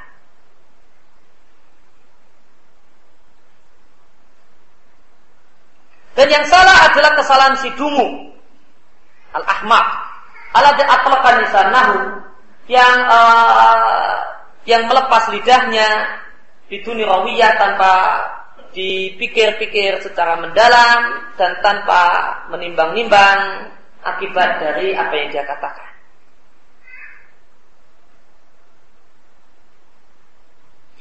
Wakat yakunu al makhluk alaih demikian boleh jadi orang yang e, menjadi sasaran sumpah dengan sumpah tolak tersebut adalah perkara yang sebenarnya tidak penting. Objek sumpah dengan tolak tadi adalah perkara yang tidak penting. Semacam sumpahnya seseorang yang mengucapkan sumpah kepada kawannya supaya kawannya mampir ke rumahnya. Dia mengatakan, mampirlah ke rumahku. Jika tidak istriku cerai. Pada kalimat, mampirlah ke rumahku, ya pula. Jika tidak istriku cerai. Gak mampir istrinya tercerai. Ala kaul. Nanti akan kita bahas lebih uh, lebih lanjut. Maka boleh boleh jadi uh, karena uh, karena sumpah itu tidak mesti pelakunya kita. Ya, sumpah itu boleh jadi pelakunya orang lain. Maka orang bersumpah demi Allah saya tidak akan seminggu ke depan tidak akan makan bakso. Ini pelakunya saya. Boleh jadi pelakunya orang lain. Demi Allah kamu harus mampir ke rumah saya. Meskipun lima menit. Kurang dari lima menit. Jadi, uh, maka jika dia tidak mampir, saya bayar kapal sumpah. Maka selama demi Allah mampirlah ke rumah saya, barang sebentar. Nggak bisa gini, gini, gini, gini. Wah, akhirnya nggak mampir, saya bayar kapal sumpah.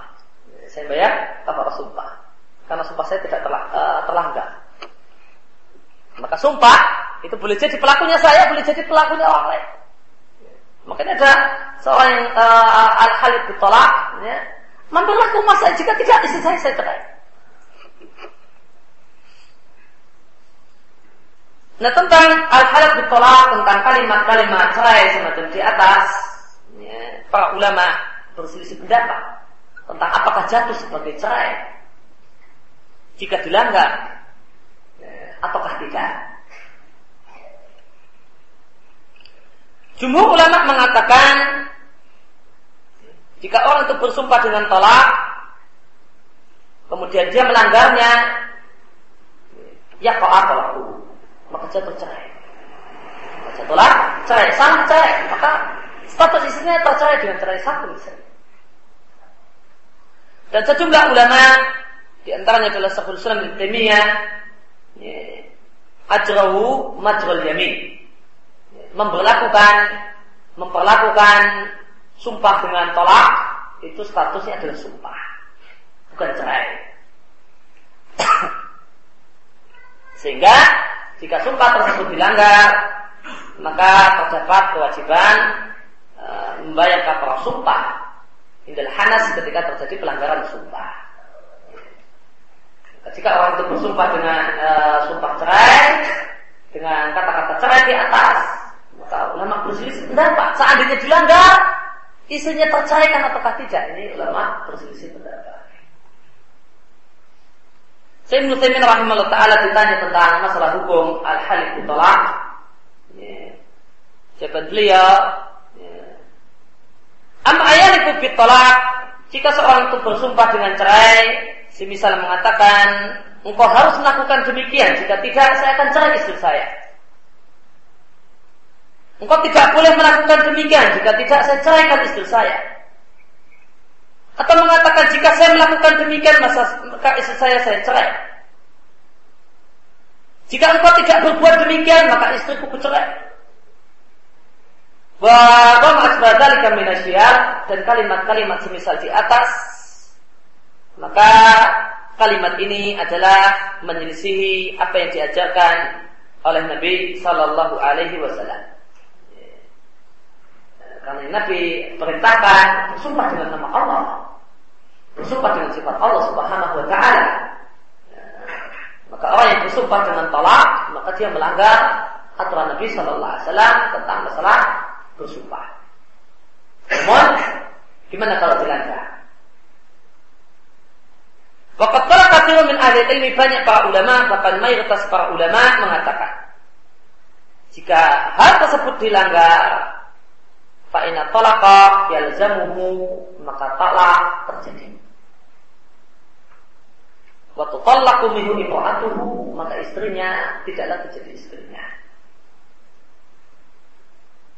Meskipun pendapat yang lebih kuat, ya, bahasanya kalimat atau kata-kata cerai jika digunakan sebagaimana kalimat sumpah, yaitu maksud dari kata diucapkannya kata-kata cerai tersebut adalah memotivasi diri sendiri atau orang lain untuk melakukan sesuatu, melarang diri sendiri atau orang lain untuk melakukan sesuatu, atau dalam rangka untuk membenarkan atau mendustakan.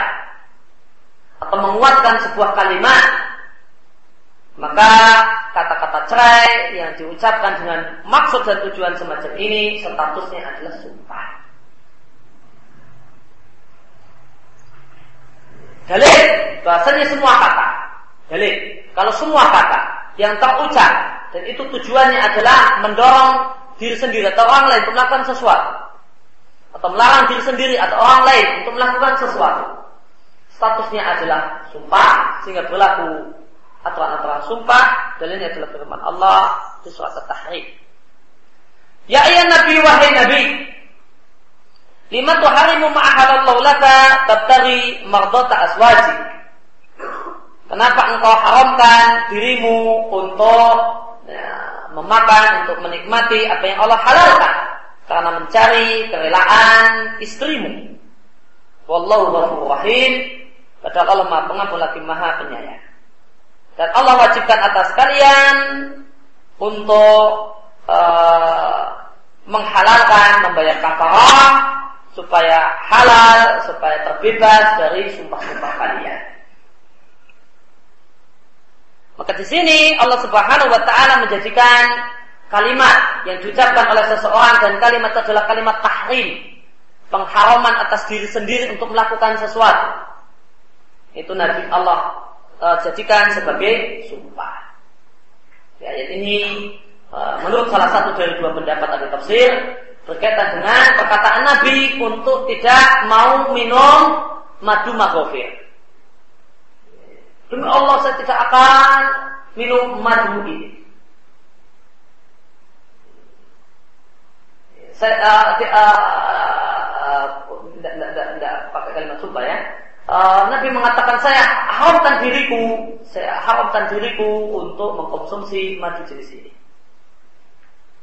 Saya tidak akan mengkonsumsinya selamanya. Maka ucapan ini, ucapan mengharamkan ini adalah uh, tujuannya apa?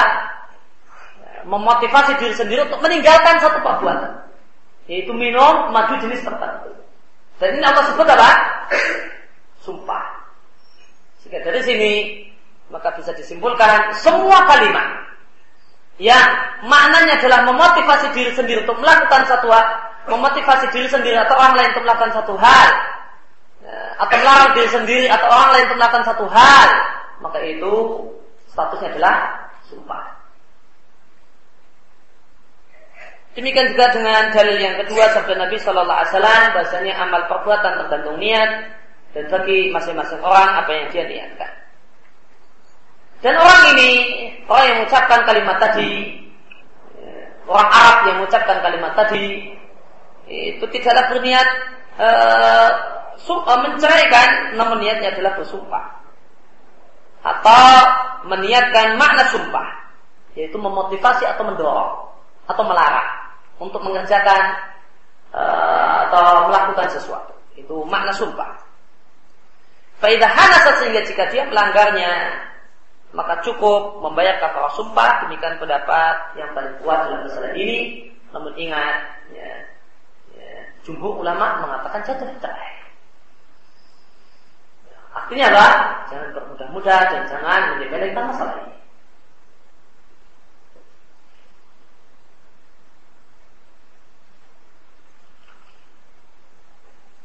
Kemudian yang terakhir yang kita bahas kesempatan pagi hari ini di antara perkataan yang terlarang adalah ucapan seorang kepada orang munafik eh, dengan sebutan sayyid, pemimpin, ya, junjungan, uh, ya, sinuwun atau semacamnya. Ya. Tentang hal, tentang tentang hal ini terdapat hadis Buraidah radhiallahu anhu Rasulullah sallallahu mengatakan janganlah kalian mengucapkan untuk orang munafik sayyid junjungan, baginda. Fa'innahu maka sesungguhnya jika dia adalah benar-benar sayyid fakot askhattum rabbakum azza wa jalla maka berarti engkau telah membuat marah. Kalian telah membuat marah Allah azza wa jalla. Maknanya jika dia adalah memang sayyid memimpin sayyid pemimpin untuk satu kelompok orang atau uh, dia adalah pemilik budak atau pemilik budak laki-laki atau budak perempuan atau pemilik harta, maka sungguh kalian telah membuat marah Allah Azza wa Jal.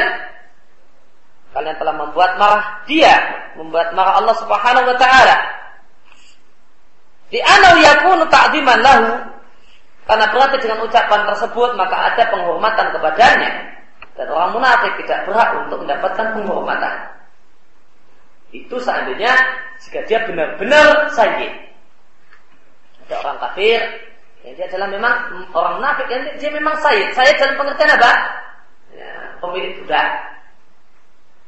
Seandainya dia benar-benar sayyid, pemilik budak atau pimpinan satu kelompok, ya, maka jika kita menyebut dia dengan sayyid, maka kita telah uh, membuat marah Allah Subhanahu wa taala karena menghormati orang yang tidak berhak mendapatkan penghormatan. Maka bagaimana kalau jika dia realitanya bukan sayyid? Dia bukanlah sayyid dengan salah satu makna dan pengertian sayyid. Di antara pengertian sayyid adalah pemilik budak. Di antara makna sayyid adalah pemimpin satu kelompok manusia. Maka jika realitanya dia bukanlah sayyid, maka di samping mendatangkan muka Allah Subhanahu wa taala, maka ini berarti kebohongan. Wanifaqan dan ini adalah kemunafikan. Mengatakan berbeda dengan realitas sesungguhnya. Ibnu Adil mengatakan, jangan kalian berkata kepada orang munafik sayyid.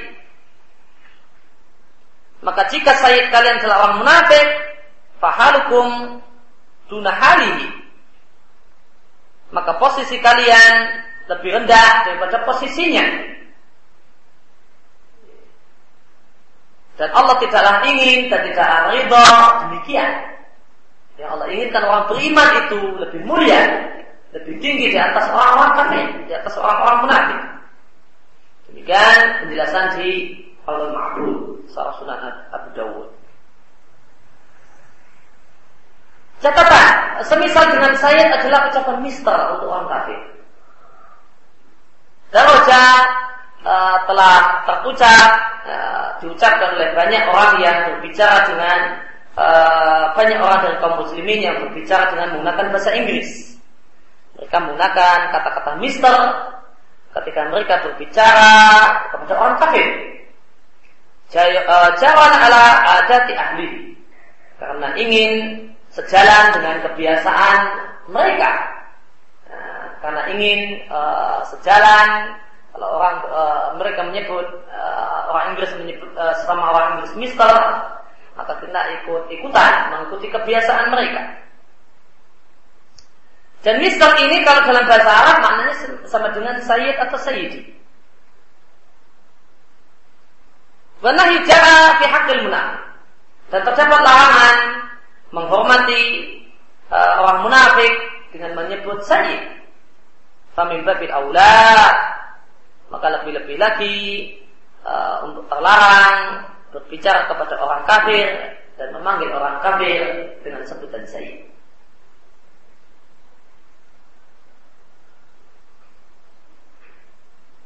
Maka jika orang munafik yang itu masih zahirnya Islam, yang zahirnya Islam, tidak boleh disebut syahid. Gimana kalau zahiran batinan bukan Islam? Yeah. Maka ibabil Allah.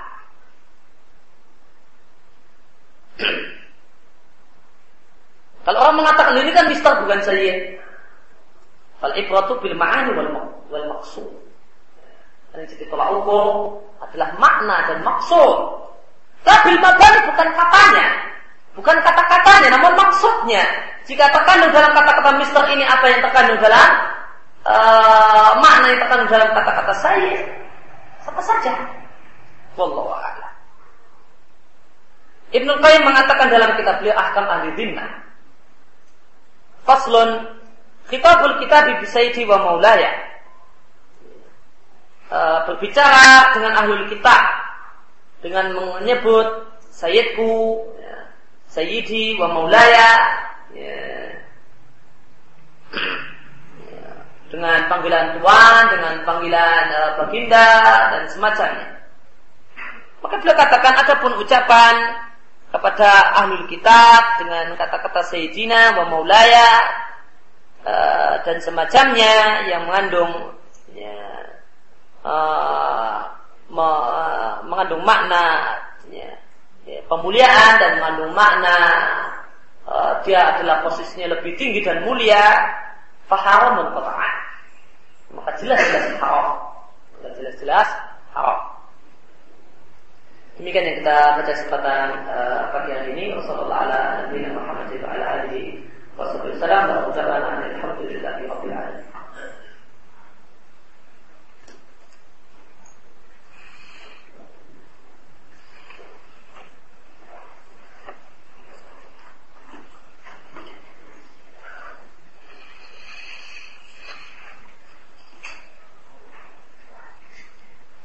E, bacaan salat Nabi pada hari Jumat apakah seperti salat pada tasawuf e, akhir atau salawat yang lainnya?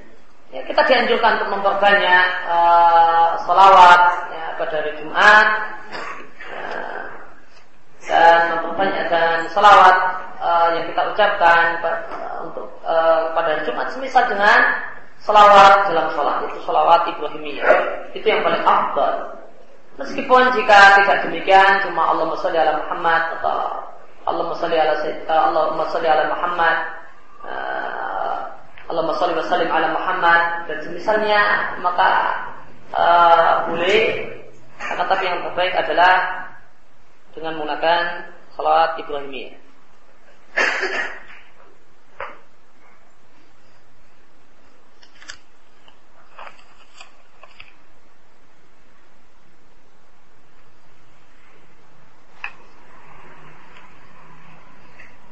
Apakah Ibnu eh, apakah Ibnu Qayyim memiliki risalah khusus tentang wanita?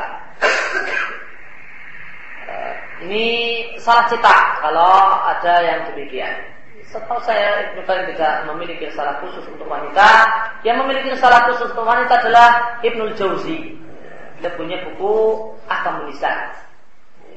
Ahkam Nisa karya Ibnu Jauzi dan sebagian uh, penerbit ini penerbit Mesir saya ahkam nisa disebutkan kepada Ibnu Qayyim al-Jauziyah. Ini khata.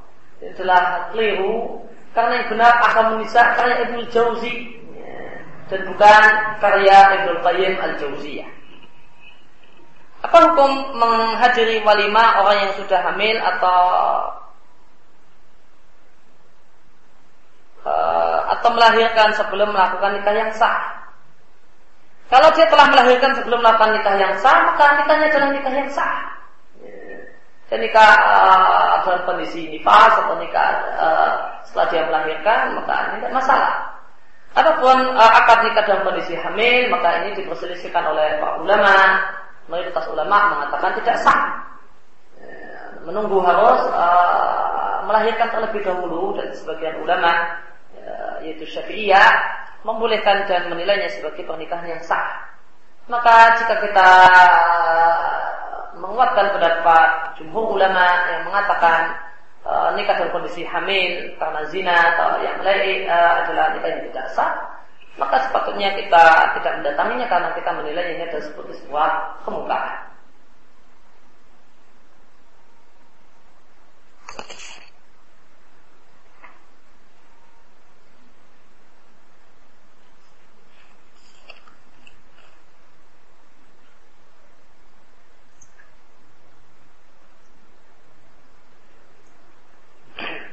Berkaitan dengan surat Maryam 28 di situ Maryam dipanggil kaumnya dengan sebutan wahai saudara perempuan Harun. Apakah Harun yang dimaksud dengan ayat itu adalah Harun saudaranya Nabi Musa? Jawabannya bukan. Sama nama bukan sama orangnya. Sama orang, sama nama belum tentu sama orangnya. Atau memang ada dua orang bernama Harun yang disebut dalam Al-Quran yaitu Harun saudara Musa dan Harun saudaranya Maryam. Yang kedua yang benar. Ada dua Harun. Di waktu-waktu yang mustajab untuk berdoa seperti buka puasa, ketika safar dan sepertiga malam, sementara tidak ada hadis yang menceritakan apakah Nabi berdoa sambil mengangkat tangan ataukah tidak di waktu-waktu tersebut, maka manakah yang terutama bagi kita berdoa sambil mengangkat tangan ataukah tidak mengangkat tangan. Uh, untuk hal semacam ini dan kondisi semacam ini ulama berselisih pendapat. Menyikapi uh, waktu-waktu yang mustajab untuk doa dan tidak terdapat uh, penjelasan. Nabi menyatakan adalah waktu mustajab untuk berdoa tidak terdapat penjelasan tentang tata cara doanya apakah mengangkat tangan ataukah tidak. Maka ketika itu boleh mengangkat tangan ataukah tidak? Sebagian ulama mengatakan tidak boleh mengangkat tangan dan itu bid'ah. Uh, itu uh, dan ini adalah satu hal yang tidak benar. Ya, tidak ada tuntunannya dari Nabi Demikian pendapat Syekh Muhammad Nasruddin Al-Albani rahimahullah taala. Uh, sebagian ulama yang lain uh, ya, uh, mengatakan bahasanya dalam kondisi ini maka kita kembalikan kepada hukum asal uh, angkat tangan dalam doa itu sesuatu hal yang dianjurkan maka dianjurkan untuk berdoa. Bagaimana kaidah yang disampaikan oleh Syekh Muhammad Nasruddin di Sarah Arba'in Nawawiyah disampaikan bahasanya Antara mengangkat tangan dan doa maka ada tiga kategori. Uh, maka ada doa-doa yang uh, Nabi lakukan dan Nabi tidak angkat tangan ketika itu. Doa ketika sujud misalnya, doa ketika tasawuf akhir. Tapi tidak doa, ada angkat tangan ketika doa di tasawuf akhir, ketika di sujud. Maka tidak boleh angkat tangan. Kemudian doa-doa yang Jelas menunjukkan kalau Nabi angkat tangan ketika itu, ketika semasa doa di sofa dan marwah pada saat sa'i atau doa e, ketika di pemakaman e, atau doa ketika istisqa. Nah, jelas Nabi angkat tangan. Hadis menunjukkan kalau Nabi angkat tangan ketika e, mendoakan e, para sahabat yang telah meninggal di Baqi, karena berdoa sambil angkat tangan ketika Nabi sa'i antara sofa dan marwah, ketika di, berdiri di sofa dan marwah, Nabi berdoa sambil angkat tangan. Bukan di sini angkat tangan. Kemudian yang ketiga adalah uh, doa-doa yang Nabi menganjurkan untuk berdoa di sana, namun Nabi tidak menjelaskan apakah dengan angkat tangan, apakah tidak. Uh, maka untuk posisi semacam ini, maka uh, dikembalikan bahasanya uh, dikembalikan pada hukum asal bahasanya angkat tangan dalam doa adalah sebab mustajabnya doa. Sebagaimana dalam sebuah hadis yang dijelaskan oleh Ibnu Majah, ya, Abu Dawud dan Ibnu Majah, uh, Nabi Shallallahu Alaihi Wasallam mengatakan, Inna Allah Hayyun Karim. Ya Allah adalah zat yang malu dan zat yang pemurah. Allah malu jika ada seorang hambanya yang mengangkat kedua tangannya, kemudian Allah kembalikan sifat kosong tanpa Allah terlihat. Maka kembalikan pada hukum asal mengangkat tangan dalam doa, yaitu mengangkat tangan dalam doa adalah sebab mustajabnya doa. Maka dianjurkan untuk mengangkat tangan. Atas bagaimana kesimpulan saya Sulaiman Al-Wahidi uh, Habibullah Ta'ala Beliau mengatakan uh, bahwasanya tak masalah mengangkat tangan, maka jika maka beliau bagi menjadi tiga, beliau mengangkat tangan e, di kondisi-kondisi Nabi tidak mengangkat tangan, maka tidak mengangkat tangan dalam kondisi ini adalah sunnah. Maka mengangkat tangan dalam kondisi ini adalah terlarang. Kemudian mengangkat tangan ketika e, ketika Nabi mengangkat tangan menyesuaikan dengan dalil, maka mengangkat tangan ketika ini hukumnya adalah sunnah. Dan mengangkat tangan uh, dan mengangkat tangan pada saat waktu-waktu uh, yang mustajab dalam doa, namun Nabi tidaklah terdapat, tidak terdapat dalil khusus dari Nabi kalau Nabi mengangkat tangan ketika itu, maka mengangkat tangan ketika ini adalah mustahab dan tidak sunnah. Belum bedakan istilah mustahab dan sunnah. Sunnah untuk sesuatu yang memang Nabi menuntunkan kalau mengangkat tangan ketika itu. Sedangkan jika Nabi tidak menuntunkan untuk angkat tangan ketika itu, maka angkat tangan kita kembalikan pada dalil umum. Maka di sini angkat tangan, e, mengangkat tangan hukumnya mustahab dan tidak disebut dengan e, sunnah. Intinya sama, sama dengan penjelasan Syekh Utsaimin yaitu dianjurkan untuk angkat tangan. Eh, dan pendapat yang kedua ini saya kira yang lebih tepat uh, uh, uh, dalam masalah ini.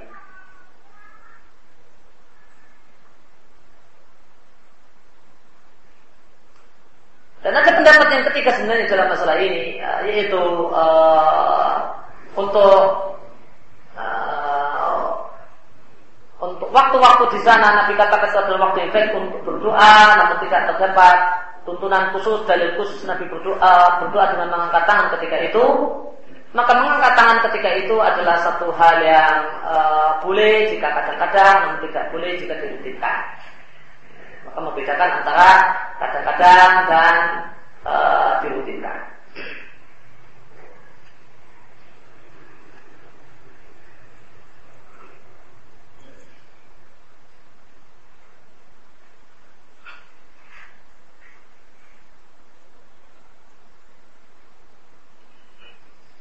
Saya punya teman jika berbicara dengan orang lain dia tidak fokus sehingga sering tidak tersampaikan hajat kepada teman saya ini. Ketika baru ngomong sedikit, dia sudah berbicara kepada orang lain sehingga menyakiti orang yang pertama yang uh, uh, orang yang pertama dia ajak bicara. Sehingga saya memulai menjadi orang ini terkhususnya dalam berbicara langsung. Maka di antara uh, bentuk tidak ada dalam berbicara dan sebagaimana kemarin kita sampaikan, bahwa di antara adab dalam berbicara adalah fokus. Ketika ada Arab Badui yang menyela uh, ucapan Nabi Shallallahu Alaihi Wasallam, maka Nabi tidak hiraukan. Nabi selesaikan dulu hajat beliau, kebetulan beliau dengan cipulan, maaf ya, saya mau ada urusan ini tak selesaikan dulu, nanti baru kemudian melayani orang yang kedua. Demikian adab yang Nabi ajarkan.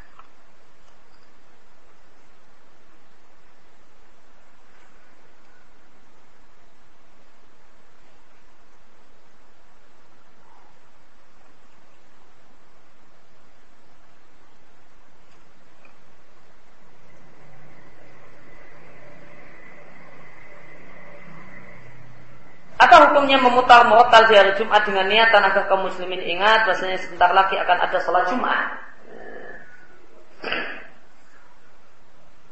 Maka menjadikan uh, suara Al-Quran sebagai syiar hari Jumat, maka ini menetapkan syiar yang tidak Nabi tetapkan sebagai syiar. Pemberitahuan bahasanya ini adalah hari Jumat, uh, uh, Nabi tidak menetapkan syiar khusus, uh, untuk uh, satu harta adalah hari Jumat.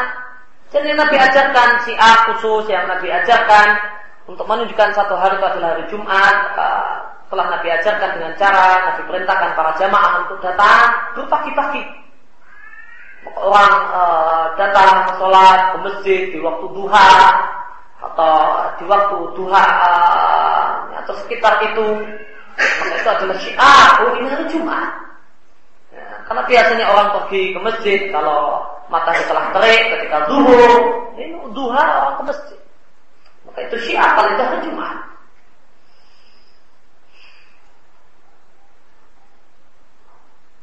Dan hal ini adalah satu perbuatan yang mengganggu ya, uh, menyetel uh, Quran atau membaca Al-Quran secara langsung di pagi hari Jumat, maka ini adalah mengganggu kaum muslimin yang lain yang punya keperluan aktivitas, ya, e, karena ada kewajiban untuk mendengarkan ayat Al-Quran dibacakan. Apakah dibenarkan bagi panitia masjid ketika hendak sholat Jumat selalu mengumumkan kas masjid pada jemaah? Maka tidak kita salahkan, ya, meskipun kita katakan ya, lebih baik tidak uh, serupa dengan apa yang ada di masa Nabi Shallallahu Alaihi Wasallam itu tentu yang lebih baik. Namun untuk melarangnya dan mengharamkannya uh, satu hal yang berat.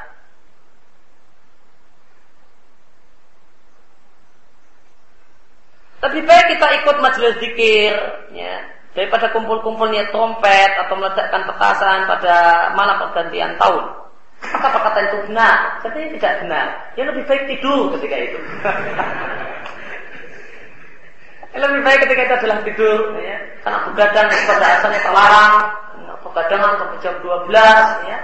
Uh, dan apalagi apa yang dinamakan dengan zikir untuk tahun baru itu keadaannya juga kurang lebih uh, sama dengan yang uh, new trompet, ya sama-sama begadangan sampai malam, kemudian pulang campur baur laki-laki dan perempuan, tidak ada bedanya.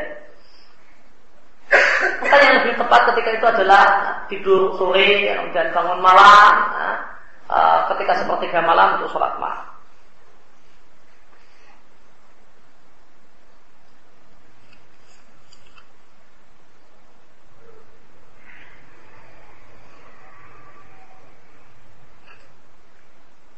Bolehkah seorang laki-laki merapikan jenggotnya, memotong sedikit? Ya.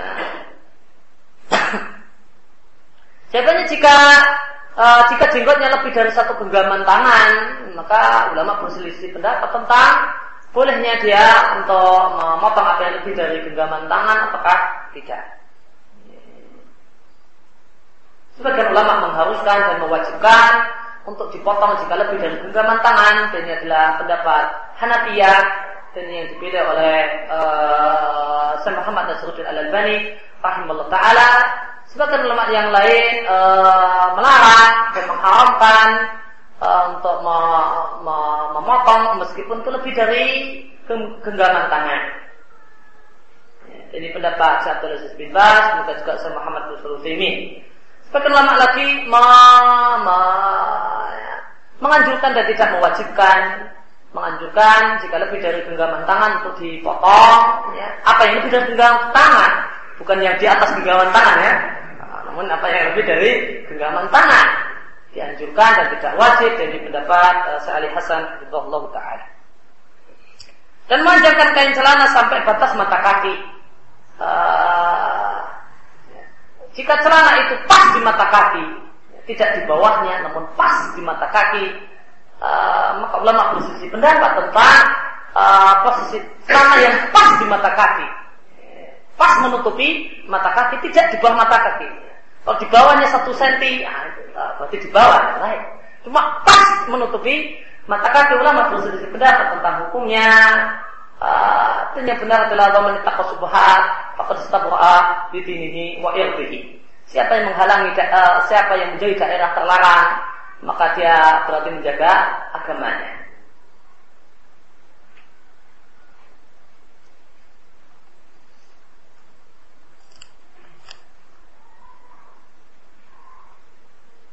Apakah harus mendapatkan izin dulu dari istri jika suami tidak menikah lagi? Tidak. Tidak ada kewajiban untuk uh, untuk minta izin. Namun wajib memberitahu. Minta izin sama memberitahu baik. Nah, kalau memberitahu wajib. Kenapa? Sebagaimana kemarin kita sampaikan agar supaya dia bisa melaksanakan syariat dengan adil. Dia bisa menegakkan syariat.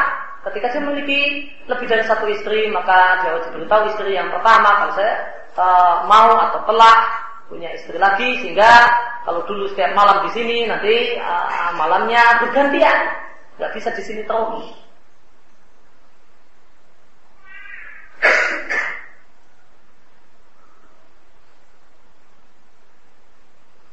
Jika istri menolak untuk dipoligami, apakah harus diikuti sedangkan sang suami yakin memiliki kemampuan dalam masalah poligami? Ya terserah kalau mau uh, mau uh, tidak jadi ya nggak apa-apa.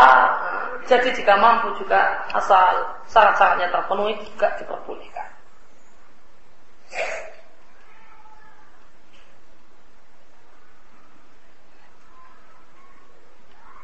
Mana yang lebih utama safar untuk menemui orang tua atau tetap tinggal di Jogja untuk menuntut ilmu syar'i? Padahal libur saya cuma hari Ahad.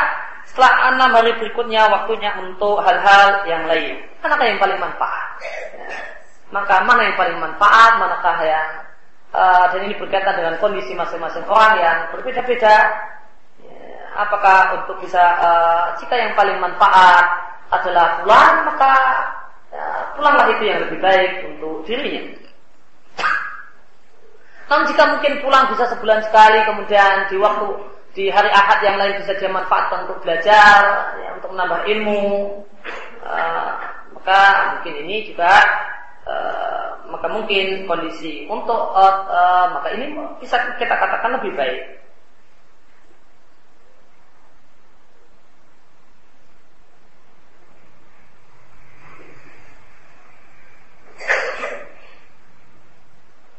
Apakah hukum berubat dengan kain haram ataukah makruh? Ulama berselisih pendapat dan pendapat yang paling kuat sebagaimana dipilih oleh Ibnu Qayyim hukumnya adalah makruh. Sebagaimana dikutip oleh penulis Fathul Majid saat kita Tauhid. Apa contoh berubat dengan kain pada zaman ini? Apakah menggunakan sinar laser, disetrum dan yang lainnya termasuk kain? Jadinya tidak. Ya, kai itu besi dipanaskan dan itu untuk e, mematikan sel ketika itu luka e, pada sebagian e, bagian badan. E, saya tidak tahu contoh untuk e, pengobatan dengan di zaman ini.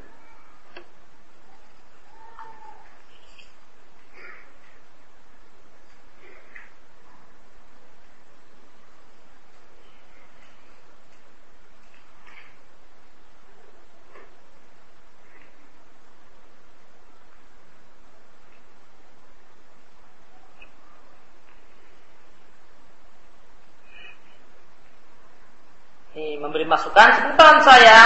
Istilah mister dipakai untuk sapaan kehormatan. Ketika orang yang kita ajak bicara belum terlalu dekat sebagaimana seorang murid e, kepada dosennya. Biasa menyapa dengan menyebutkan mister yang jika diterjemahkan ke dalam bahasa Indonesia menjadi e, menjadi arti bapak. Sebagaimana misalnya bapak dosen. Kalau menurut saya ada sedikit perbedaan makna antara saya dengan mister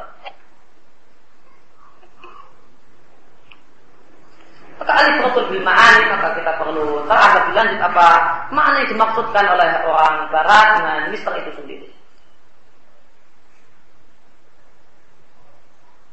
Bolehkah kita membaca doa setelah adzan sambil berjalan dengan atau tanpa mengangkat tangan?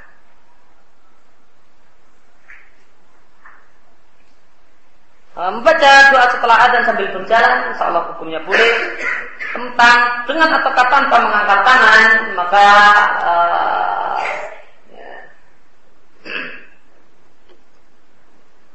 maka dalam hal ini satu hal yang patut kita perhatikan uh, kaidah yang disampaikan oleh sebagian ulama tentang masalah doa. Jika Nabi Shallallahu Alaihi Wasallam menyebutkan uh, uh, dan sebuah hadis satu hal yang Nabi ajarkan dan Nabi tidak menjelaskan hal yang lain maka hal yang lain tersebut tidak perlu dilakukan.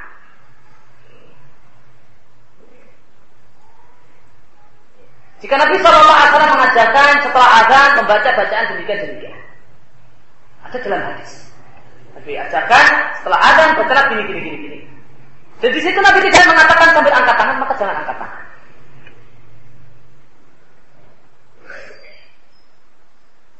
Nabi mengajarkan uh, misalnya ya gulam sambillah ketika mau makan. Wahai anak bacalah bismillah.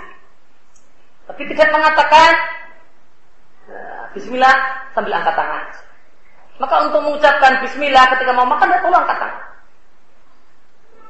Ini lain dengan masalah yang tadi kita bahas. Nabi menganjurkan untuk memperbanyak doa di antara azan dan iqamah. Nabi menganjurkan untuk memperbanyak doa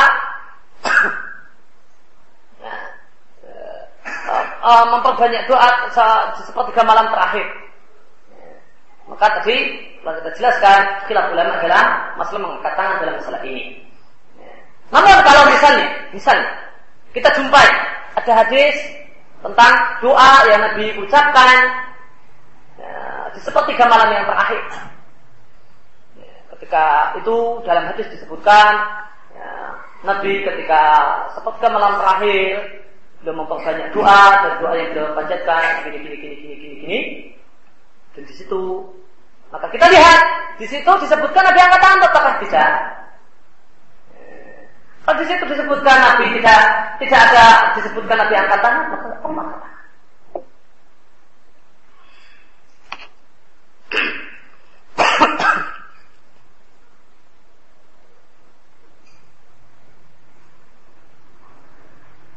Mana yang lebih utama mengikuti jejak salat dan menuntut ilmu syar'i atau melantarkan orang yang disayangi uh, dalam keluarga di sana? Jika yang ditanyakan adalah berkaitan dengan Ibnu Qasim. Jika yang ditanyakan adalah berkaitan dengan cerita Ibnu Qasim yang kemarin uh, kita bahas, ya, seorang Mesir yang uh, meninggalkan istrinya dalam keadaan hamil belajar dengan Imam Malik, maka kita katakan maka ini kembali kepada uh, Ibnu Qasim telah memberikan pilihan. Ibnu Qasim telah memberikan pilihan. Ya, mau cerai ataukah mau sabar menanti. Maka dalam hal ini tergantung kondisi, tergantung uh, istri dia rela mau atau tidak. Sebagaimana juga suami istri yang terpisah jauh karena alasan pekerjaan, ya, tidak mungkin belum mungkin untuk dibawa misalnya. Istri nggak rela, masa saya nggak ada suami, saya pokoknya harus bersama suami. Kalau kamu nggak membawa saya, saya tak cari suami yang lain. Ya. Itu haknya. Nah, jika dia rela nggak apa-apa uh, karena harus kerja di luar negeri maka bisa uh, berpulang setahun sekali dia merelakan haknya maka itu adalah haknya. Dan dia relakan maka tidak mengapa.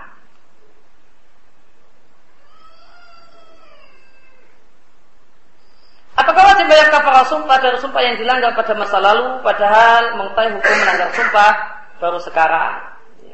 Mengklaimnya sekarang, uh, ya, maka jawabannya tetap wajib bayar kafar sumpah dan rincian tentang kafar sumpah bisa dilihat di surat Al-Maidah ayat yang ke-89.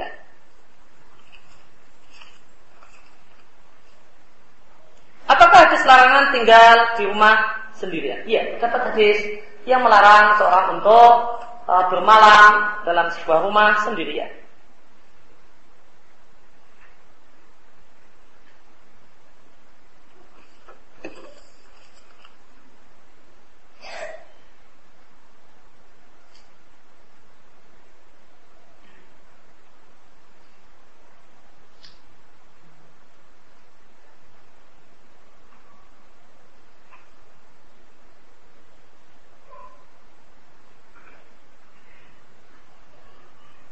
Saya pernah mengalami hubungan tidak baik dengan teman saya hingga berhari-hari hubungan itu tetap tidak membaik.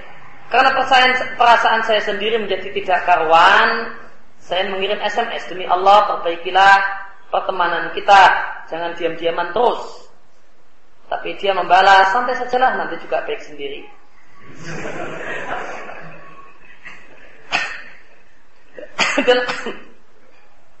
dalam, artian hubungan baik uh, kembali setelah beberapa hitungan hari.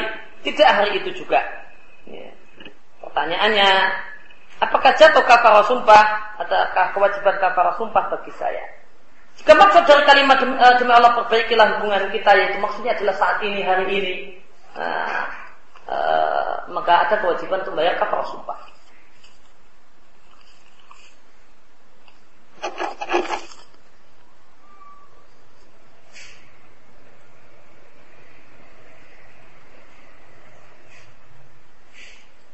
Bagaimana cara menasihati orang yang suka menceritakan tentang kehidupan orang lain, padahal orang yang suka menceritakan tersebut, kalau dia yang punya kehidupan tentu tidak ingin kehidupannya diketahui oleh orang lain. Apakah dalam hal ini berdosa? Maka di antara bentuk menasihatinya jika dia tidak bisa dinasihati adalah meninggalkan meninggalkan dirinya ketika menghibah orang tersebut. Ini adalah hibah, ini adalah majelis hibah. Uh, diingatkan kita menggunting orang, dia tetap uh, ngotot. Ini tapi manfaat kok. Nah, maka ya tinggalkan ada bentuk ingkar dengan hati. Apakah benar jika setelah makhluk disiksa di neraka nantinya bisa masuk surga? Perlu dirinci makhluk tersebut kafir ataukah orang yang beriman? Jika orang kafir maka tidak. Tidak ada orang kafir yang masuk neraka, kemudian setelah itu bebas dan neraka dan masuk surga. Adapun orang yang beriman yang penuh dengan maksiat dan Allah tidak ampuni maksiatnya, maka banyak ya, dari mereka yang masuk neraka kemudian uh, keluar dari neraka dan tidak ke surga. Tentang hadisnya adalah hadis ya riwayat Bukhari yang baru saja kita baca. Dan hadis-hadis tentang hal ini adanya mantan penghuni neraka yang masuk surga kata para ulama ahli sunnah derajatnya mutawatir mutawatir maknawi maka di antara akidah batin maka akidah eh, yang sesat ya, yang dimiliki oleh oleh Mu'tazilah dan Khawarij ya, demikian juga dimiliki oleh sebagian orang di zaman ini ya, uh, dimiliki oleh MTA di hari ini ya, adalah mereka berkeyakinan tidak adanya orang yang masuk surga setelah dulu uh, dicuci di neraka dan uh, tinggal di neraka. Ini adalah akidah Khawarij dan Mu'tazilah yang diadopsi dan diambil oleh sebagian orang di zaman ini.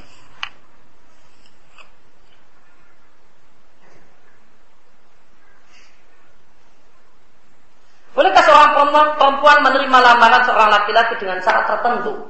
Maka perlu dirinci syarat tertentunya itu apa? Apakah syarat yang diperbolehkan atau syarat yang terlarang? Misalnya syaratnya saya mau uh, dilamar dengan syarat uh, tidak dipoligami. Maka ini syarat yang diperselisihkan ulama bolehnya dan yang benar syarat ini boleh. Jika laki-laki tersebut sudah setuju bolehkah si perempuan menarik dan mencabut ucapannya saat sudah menikah? Boleh-boleh saja. Uh, kemarin disarati nggak boleh poligami setelah itu diizinkan malah dicarikan ah, boleh boleh saja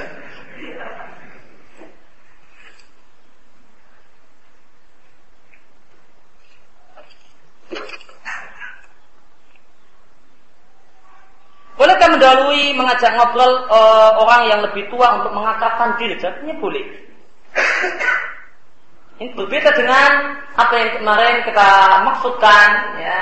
Uh, kita uh, uh, sebagaimana yang ada di masa Nabi ada beberapa orang menghadap Nabi mau menceritakan satu hal, ada anak muda, ada orang tua, maka Nabi perintahkan agar orang tua yang bicara. Apa hukum cerita pendek yang menceritakan pembicaraan tanpa pensil, penghapus, dan benda-benda yang lain yang e, dibiaskan dapat berbicara? Maka ini adalah cerita fiksi dan ini adalah murni fiksi dan hukumnya boleh. Menurut pendapat yang paling kuat. Apakah jin bisa mengganggu manusia lewat SMS? Bisa jika dia e, men, e, kerasukan e, masuk pada diri seseorang maka jin tersebut ngerasuk pada diri seseorang kemudian melalui tangan orang tersebut dia kirim SMS kepada kita maka itu boleh dan saya pernah mendapatkannya ada orang yang kesurupan kirim SMS kepada saya dan saya tahu orang ini kesurupan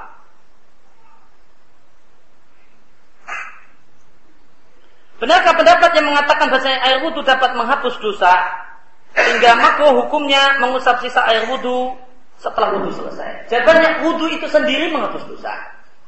Adapun tentang mengusap air wudhu dengan handuk setelah selesai berwudhu, ya, maka ulama berselisih pendapat tentang uh, makruh apakah boleh ataukah dianjurkan. Ada ulama yang menganjurkan, memakruhkan dan ada yang memubahkan dan pendapat yang kuat dalam masalah ini adalah hukumnya mubah. Sebagaimana yang dipilih oleh penulis kitab uh, sifat wudhu Nabi Sallallahu Alaihi Wasallam.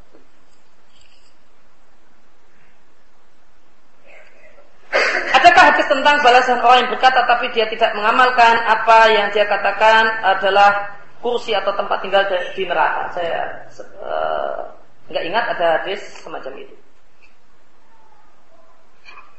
Bagaimanakah mengajarkan akidah kepada anak-anak yang disampaikan secara sistematis? Adakah buku rujukan khusus untuk akidah untuk anak-anak? Ada buku yang ditulis oleh sebagian tapi nggak tahu cocok atau tidak untuk anak-anak di negeri kita. Kalau jadi buku ditulis untuk anak-anak di Saudi, tapi Darul Haq, ya, coba bisa uh, dilihat buku tersebut.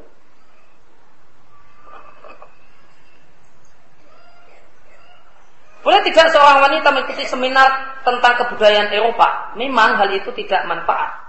Tidak menambah ilmu syar'i, tapi setidaknya cukup menambah wawasan. Cuma untuk cari wawasan tentang gimana budaya eh, Korea nggak perlu lah sampai kemudian harus ikut seminar, bayar uang yang tidak sedikit.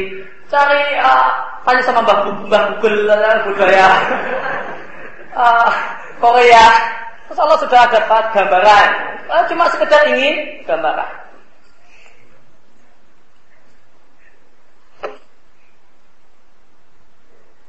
Bolehkah kita berjalan di depan orang yang sholat tanpa ada sutoh? Sebenarnya tidak boleh. Tidak boleh ber, uh, berjalan di hadapan orang yang sholat, dan dia pakai sutoh ataupun tidak. Dan manakah yang termasuk dalam kategori di hadapan orang yang sholat? Ya? Sebagian ulama mengatakan tiga hasta dari dia berdiri, dan sebagian ulama yang lain mengatakan tempat sujud dia. Nah, pendapat yang kedua adalah pendapat yang dipilih oleh Ibnu Taimin dan itu insya pendapat yang lebih kuat Eh, bahasanya di hadapan orang yang sholat adalah tempat sujud dia. Maka jika itu lebih dari tempat sujud dia, sisi barat yang lebih dari tempat sujud dia, maka itu lewat di tempat tersebut tidaklah terlarang.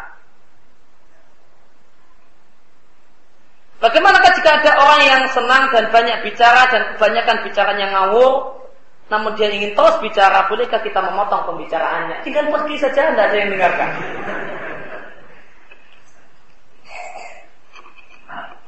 Seorang berwudu untuk mandi wajib, kemudian kentut, bagaimana hukumnya? Ya, maka dia wajib wudhu lagi jika mau sholat. Adapun mandinya maka sah. Ya, mandinya sah. Nah, namun karena dia kentut setelah selesai mandi, maka dia nggak perlu harus ulang mandi. Namun dia cukup mengulang wudhunya.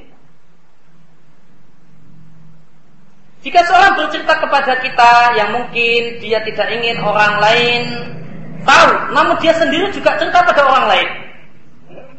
Kemudian orang-orang pernah diceritain saling tahu di antara mereka. Ini aneh. Apakah orang diceritai tersebut tidak amanah? Satu hal yang sangat-sangat unik dan aneh namun nyata. Ya. Orang yang pesan kepada dia cerita sama temannya dan pesan jangan diceritakan pada orang lain ya. Nah dia cerita pada orang lain. Dan dia ceritakan jangan ceritakan pada orang lain ya. Dia cerita lagi ke Orang yang ketiga dan dia mengatakan jangan ceritakan pada orang yang lain ya. Ternyata tiga ini kemudian kumpul ketemu dapat cerita yang sama. uh, maka yang pertama ini adalah uh, satu hal yang aneh. Uh, namun berkaitan dengan kewajiban orang mendapatkan cerita, maka dia mendapatkan kewajiban. Dia dititipi pesan, jangan cerita. Maka dia punya kewajiban untuk tidak cerita.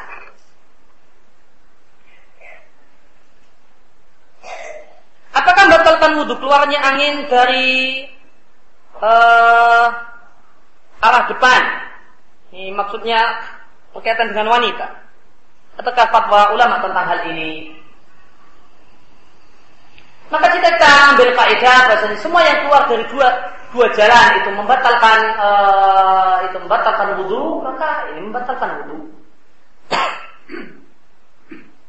Namun jika kita uh, mengambil bahasanya uh, yang membatalkan wudhu dari jalan depan adalah uh, adalah hal yang keluar secara wajar dari jalan depan, air kencing dan semisalnya, maka kita katakan ini uh, tidak membatalkan wudhu karena tidak termasuk uh, jalan uh, dalil yang membahas tentang masalah hal-hal yang membatalkan wudhu yang keluar dari arah depan.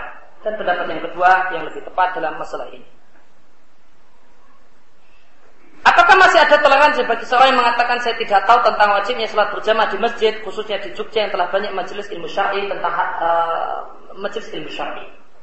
Sama maka tentang wajibnya uh, boleh jadi uh, dia tidak mengetahui pendapat tersebut karena dia mengambil pendapat yang lain. Maka sebelum, sebelumnya perlu kita sampaikan bahwa masalah ini adalah masalah khilafiyah ijtihadiyah maka sholat e, berjamaah di masjid satu hal yang hukumnya wajib ataukah tidak? Dan nanti apakah wajib itu saat sah sholat ataukah tidak?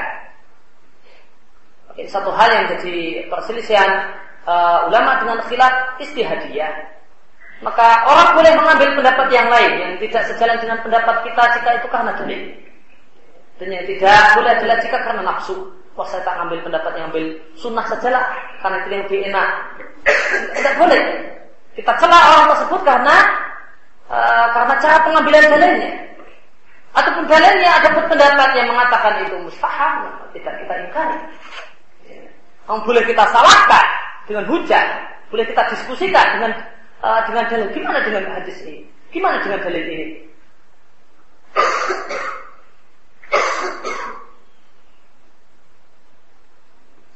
Apakah diperbolehkan seorang yang safar selama tiga hari mengkosor sholat secara munfarid? Jika dia nazil, jika dia singgah dan tidak di atas kendaraan, maka boleh jika dia tidak mendengar azan atau tidak azan di daerah tersebut, maka boleh. Namun jika dia singgah di satu tempat selama tiga hari dan dia mendengar azan dan dia punya kelonggaran untuk datang ke masjid, maka wajib untuk tetap datang ke masjid menurut pendapat yang paling kuat. Dalam hadis tokoh, apakah dapat disimpulkan bahasanya hadis tersebut hanya berlaku untuk satu orang saja? Tidak. Tidak bisa kita simpulkan demikian. Namun yang jelas, ya, semua kaum muslimin itu punya bitokoh la ilaha illallah. Namun tidak semua nasibnya sebagaimana senasib sahibul bitokoh. Maka orang tidak boleh meremehkan maksiat dengan alasan saya punya kartu la ilaha illallah saya punya kartu la ilaha illallah. Orang tersebut punya 99 lembar. Sejauh mata memandang isinya maksiat semua. Maka ini bukan alasan untuk meremehkan maksiat. Namun kita katakan semua kaum muslimin punya bitokoh kartu la ilaha illallah. Namun tidak semua mereka sebagaimana kata Ibnu Qayyim tidak semua mereka senasib sebuntung keadaannya dengan soibul bitokoh. Adapun orang yang keadaannya sebagaimana soibul bitokoh maka boleh jadi dia mendapatkan uh, keadaan dan nasib sebagaimana Saiful Bitokoh. Fawaid yang lain dari hadis ini, hadis ini menunjukkan kalau uh, di uh, bahasanya yang ditimbang itu adalah uh, lembar catatan amal. Saya punya teman yang sangat takut akan dosa-dosa yang telah lalu bahkan terkadang berlebihan apa nasihat untuk orang tersebut. Ya, takut yang sa'i adalah takut yang uh, takut yang tidak berlebihan. Karena takut yang berlebihan itu bisa mendorong dan bisa mendatangkan setan untuk membuat kita putus asa dengan kasih sayang dan ampunan Allah. Takut dengan dosa itu satu hal yang baik, namun e, ketika takut tersebut mendorong kita untuk hati-hati dengan dosa dan semangat untuk beribadah kepada Allah. Seperti apa syukur itu dan bagaimanakah menjadi orang yang pandai bersyukur? Orang yang bersyukur adalah orang yang menggunakan nikmat untuk taat. Dan orang yang dikatakan orang yang pandai bersyukur atau orang yang sangat bersyukur adalah orang yang rajin sholat malam. Ketika Nabi rajin sholat malam, tanya oleh Aisyah, oleh ibunda Aisyah, dan Nabi mengatakan, apalah aku nak dan syakuro, tidakkah aku ingin jadi orang yang sangat bersyukur. Maka orang yang pandai bersyukur adalah orang yang giat sholat malam. Di antara ciri orang yang pandai bersyukur adalah orang yang giat mengerjakan sholat malam sebagaimana hadis tersebut. Bagaimana menghilangkan keinginan kedudukan di hati manusia dalam beramal? Jika eh, jika yang dimaksudkan dengan kedudukan di hati manusia, maksudnya adalah kita punya keinginan dan harapan, punya citra yang baik di masyarakat. Dinilai sebagai orang yang salah di masyarakat, orang yang baik-baik di masyarakat. Maka ini adalah keinginan yang tidak terlarang. Ya, bahkan ini diperintahkan dan ini adalah doa Nabi Ibrahim alaihissalatu wassalam. Nabi Ibrahim berdoa, wajah li lisana sidqin fil akhirin. Ya Allah, jadikanlah aku uh, dan berikanlah untukku lisan yang memuji-muji diriku. Fil akhirin pada orang-orang setelah Maka beliau berharap bahasanya beliau itu punya reputasi yang baik di masyarakat sebagai orang yang saleh. Jadi salah satu hal yang dimintakan oleh Nabi Ibrahim, yang Allah ceritakan dalam Al-Quran untuk kita contoh dan kita berdoa dengannya. Maka orang berharap agar punya reputasi yang baik sebagai orang yang saleh, sebagai orang yang paham agama dan mengamalkannya dan keinginan yang tidak tercela dan tidak terlarang. Namun jika yang dimaksud kedudukan di, uh, di hati manusia adalah ria, uh, dia beramal karena manusia, maka ini terlarang karena ini ria.